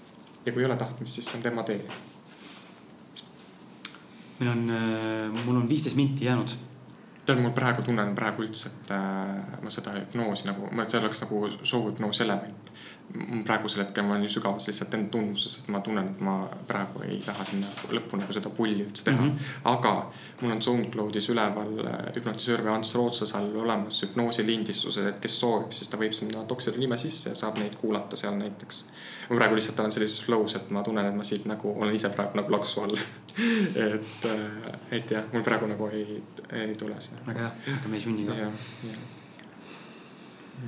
tahate te midagi veel mina, küsida mina, mina tahaks kirjeldada, äh, mis minuga toimus, et vahepeal, kui ma kuulasin sind, kui sa mhm. rääkisid äh, just sellest äh, perekonna teemast, eks ju, mhm. kuidas lapsepõlv meid mõjutab. Mhm. siis ma tundsin, kui sa rääkisid sellest vanusest, seal vanus kuskil kaks kuni kuus, eks ju mm. -hmm. et seal on hästi-hästi oluline just tuleb see isa, isa roll saab hästi oluliseks ja ma tundsin, kuidas mu keha väsis ära, ma läksin energiast tühjaks, ma tundsin, kuidas nagu energia hakkas kuskilt vist välja minema, ma hakkasin aina halvemini tundma. Ja siis mingi hetk ma sain nagu oma teadlikkusega sellest sabast kinni ja ma mõistsin, kust see tuli, ma, ma sain aru, et äh, selle sellest rääkisid. Siis ma läksin enda sees tagasi sinna hetke, kus ma olingi see vanus seal kuskil üks kuni viis. ja kõik, mida ma isast mäletan, on äh, segadus, hirm äh,. jah, segadus ja hirm mm. -hmm. ja, ja see ja tänu sellele nüüd ma nagu näengi, et kuidas, kuidas, kuidas on avaldunud kogu aeg mu elus tegelikult äh, just tihtipeale teiste meestega suheldes, olles sihukestes mhm. grupisituatsioonides, kus äh, ma olen, äh, olengi hakanud kogema sedasama segadust ja hirmu enda sees see on see väike laps, kes alati trauma on kehas, eks ju mm. -hmm. ja nüüd, kui ma räägin, see on terapeutiline protsess ka nendele kuulajatele tegelikult, kes praegusel hetkel seda kuulavad. Neil tekivad mingid seosed, introjektid ja kõik see nii-öelda on justkui keskkond, kus nad mm -hmm. nagu viibivad. samamoodi ka teraapias, et äh, juba vestluse käigus toimuvad väga suured protsessid, kus ma näen ära, ma praegu ei jälginud sind nii tähelepanelikult, kus inimene nagu vajub ära niimoodi vaatad, et sinu ees istub ühel hetkel nagu väike laps. Ja siis sa pead oma äh, sõnastused kõik ümber muutma, sa pead rääkima nüüd väikse lapsega ja seda juhtima, seda protsessi. see on hästi detailne, see on hästi sügav nagu protsess, et ma lihtsalt ei vestle selle inimesega, ma pean ikka väga kohal olema, et aru saada, mis ta lugu on ja mis faasis ta on ja, ja kas ma olen temaga praegu samal lainel. et selleni nagu seda lihtsalt nagu välja tuua sind sellest viieaastasest, nelja-kuueaastasest poisist, eks ju. aga see on hea, et sa selle märkamise praegu tegid. see näitab seda, et sellest vestlust oli täna juba midagi nagu kasu. et sul tekkis see kokkupuutepunkt ja usalda seda punkti, eks ju, ja see on see koht, millega sa peaksid siis töötama enda sees. ja ma tahangi sulle aitäh öelda, sest praegu saades sellest teadlikuks, ma kohe tundsin, kuidas energia hakkas vaikselt nagu mm -hmm. tagasi tulema kehasse mm. -hmm. sest et ma tean, kuidas minevikus on alati need olukorrad ongi olnud sellised, kus äh, sealt järgnebki sihuke negatiivne mm -hmm. mõtteluup, et ma olen väärtusetu, minu sõna ei võeta tõsiselt, mind ei kuulata, millega ma üldse hakkama saan ja tavaliselt ma olengi läinud mööda seda nagu mõtterada. aga praegu jälle nagu saades selle kohe sabast kinni, ma tunnen, kuidas see, ma nagu katkestasin selle ja sealt tekib see ülemõtlemine, eks ju, et me ei saa nendest, me ei saa päris hästi aru, et me oleme oma rajalt justkui nagu kõrvale kaldunud. ja kui me ei saa päris täpselt aru, mis meiega nagu toimub, siis me hakkame endale katastrofiseerima, miks tekib ka ärevus, eks ju, ohutunne, et võitle või põgene reaktsioon oma kehas. ja kui sa nagu ketrad ja ketrad, ketrad, on, see on amugdala niisugune nagu sagar on, eks ju, mis tek, nagu ohutundest nagu läheb pingesse, annab impulsi nii-öelda hipokampuses, mis nii-öelda omakorda toodab igast emotsioone sinu kehasse ja siis ongi see, et kui me nii-öelda praegusel hetkel räägime, eks ju, siis sinu keha toob need nagu esile, võivad erinevad reaktsioonid tekkida. sest me puudutame neid erinevaid osi ja sinu aju reageerib kuidagi sellele. ja siis võivad tekkida selline väsimustunne või nõrkustunne ja, ja kõik muud sellised protsessid sinna nagu juurde. et hästi huvitav, et sul see praegusel hetkel tekkis ja mul endal alati nii naljakas, ma pisut ennast nagu vähendan tihti, sest naljakas on lihtsalt, mul endal on nagu kõrval, kui ma ennast peaksin praegu jälgima, siis mul oleks naljakas, et mingi kahekümne kahe aastane noormees räägib mingist sellisest teemast. ja siis mul need äh, nii-öelda kursusekaaslased ka alati mõtlevad nagu, et oleks ma nii noorelt sellise asja nagu otsa sattunud, et oleks nagu olnud palju lihtsam nagu elada, eks ju. mul pisut, ma ei saa öelda, et hirm, aga mul on pisuke hirm, et mis siis saab kümne aasta pärast või neljakümneselt. kes ma siis üldse olen eks ju. või kuhu ma üldse selle teega nagu teel olen.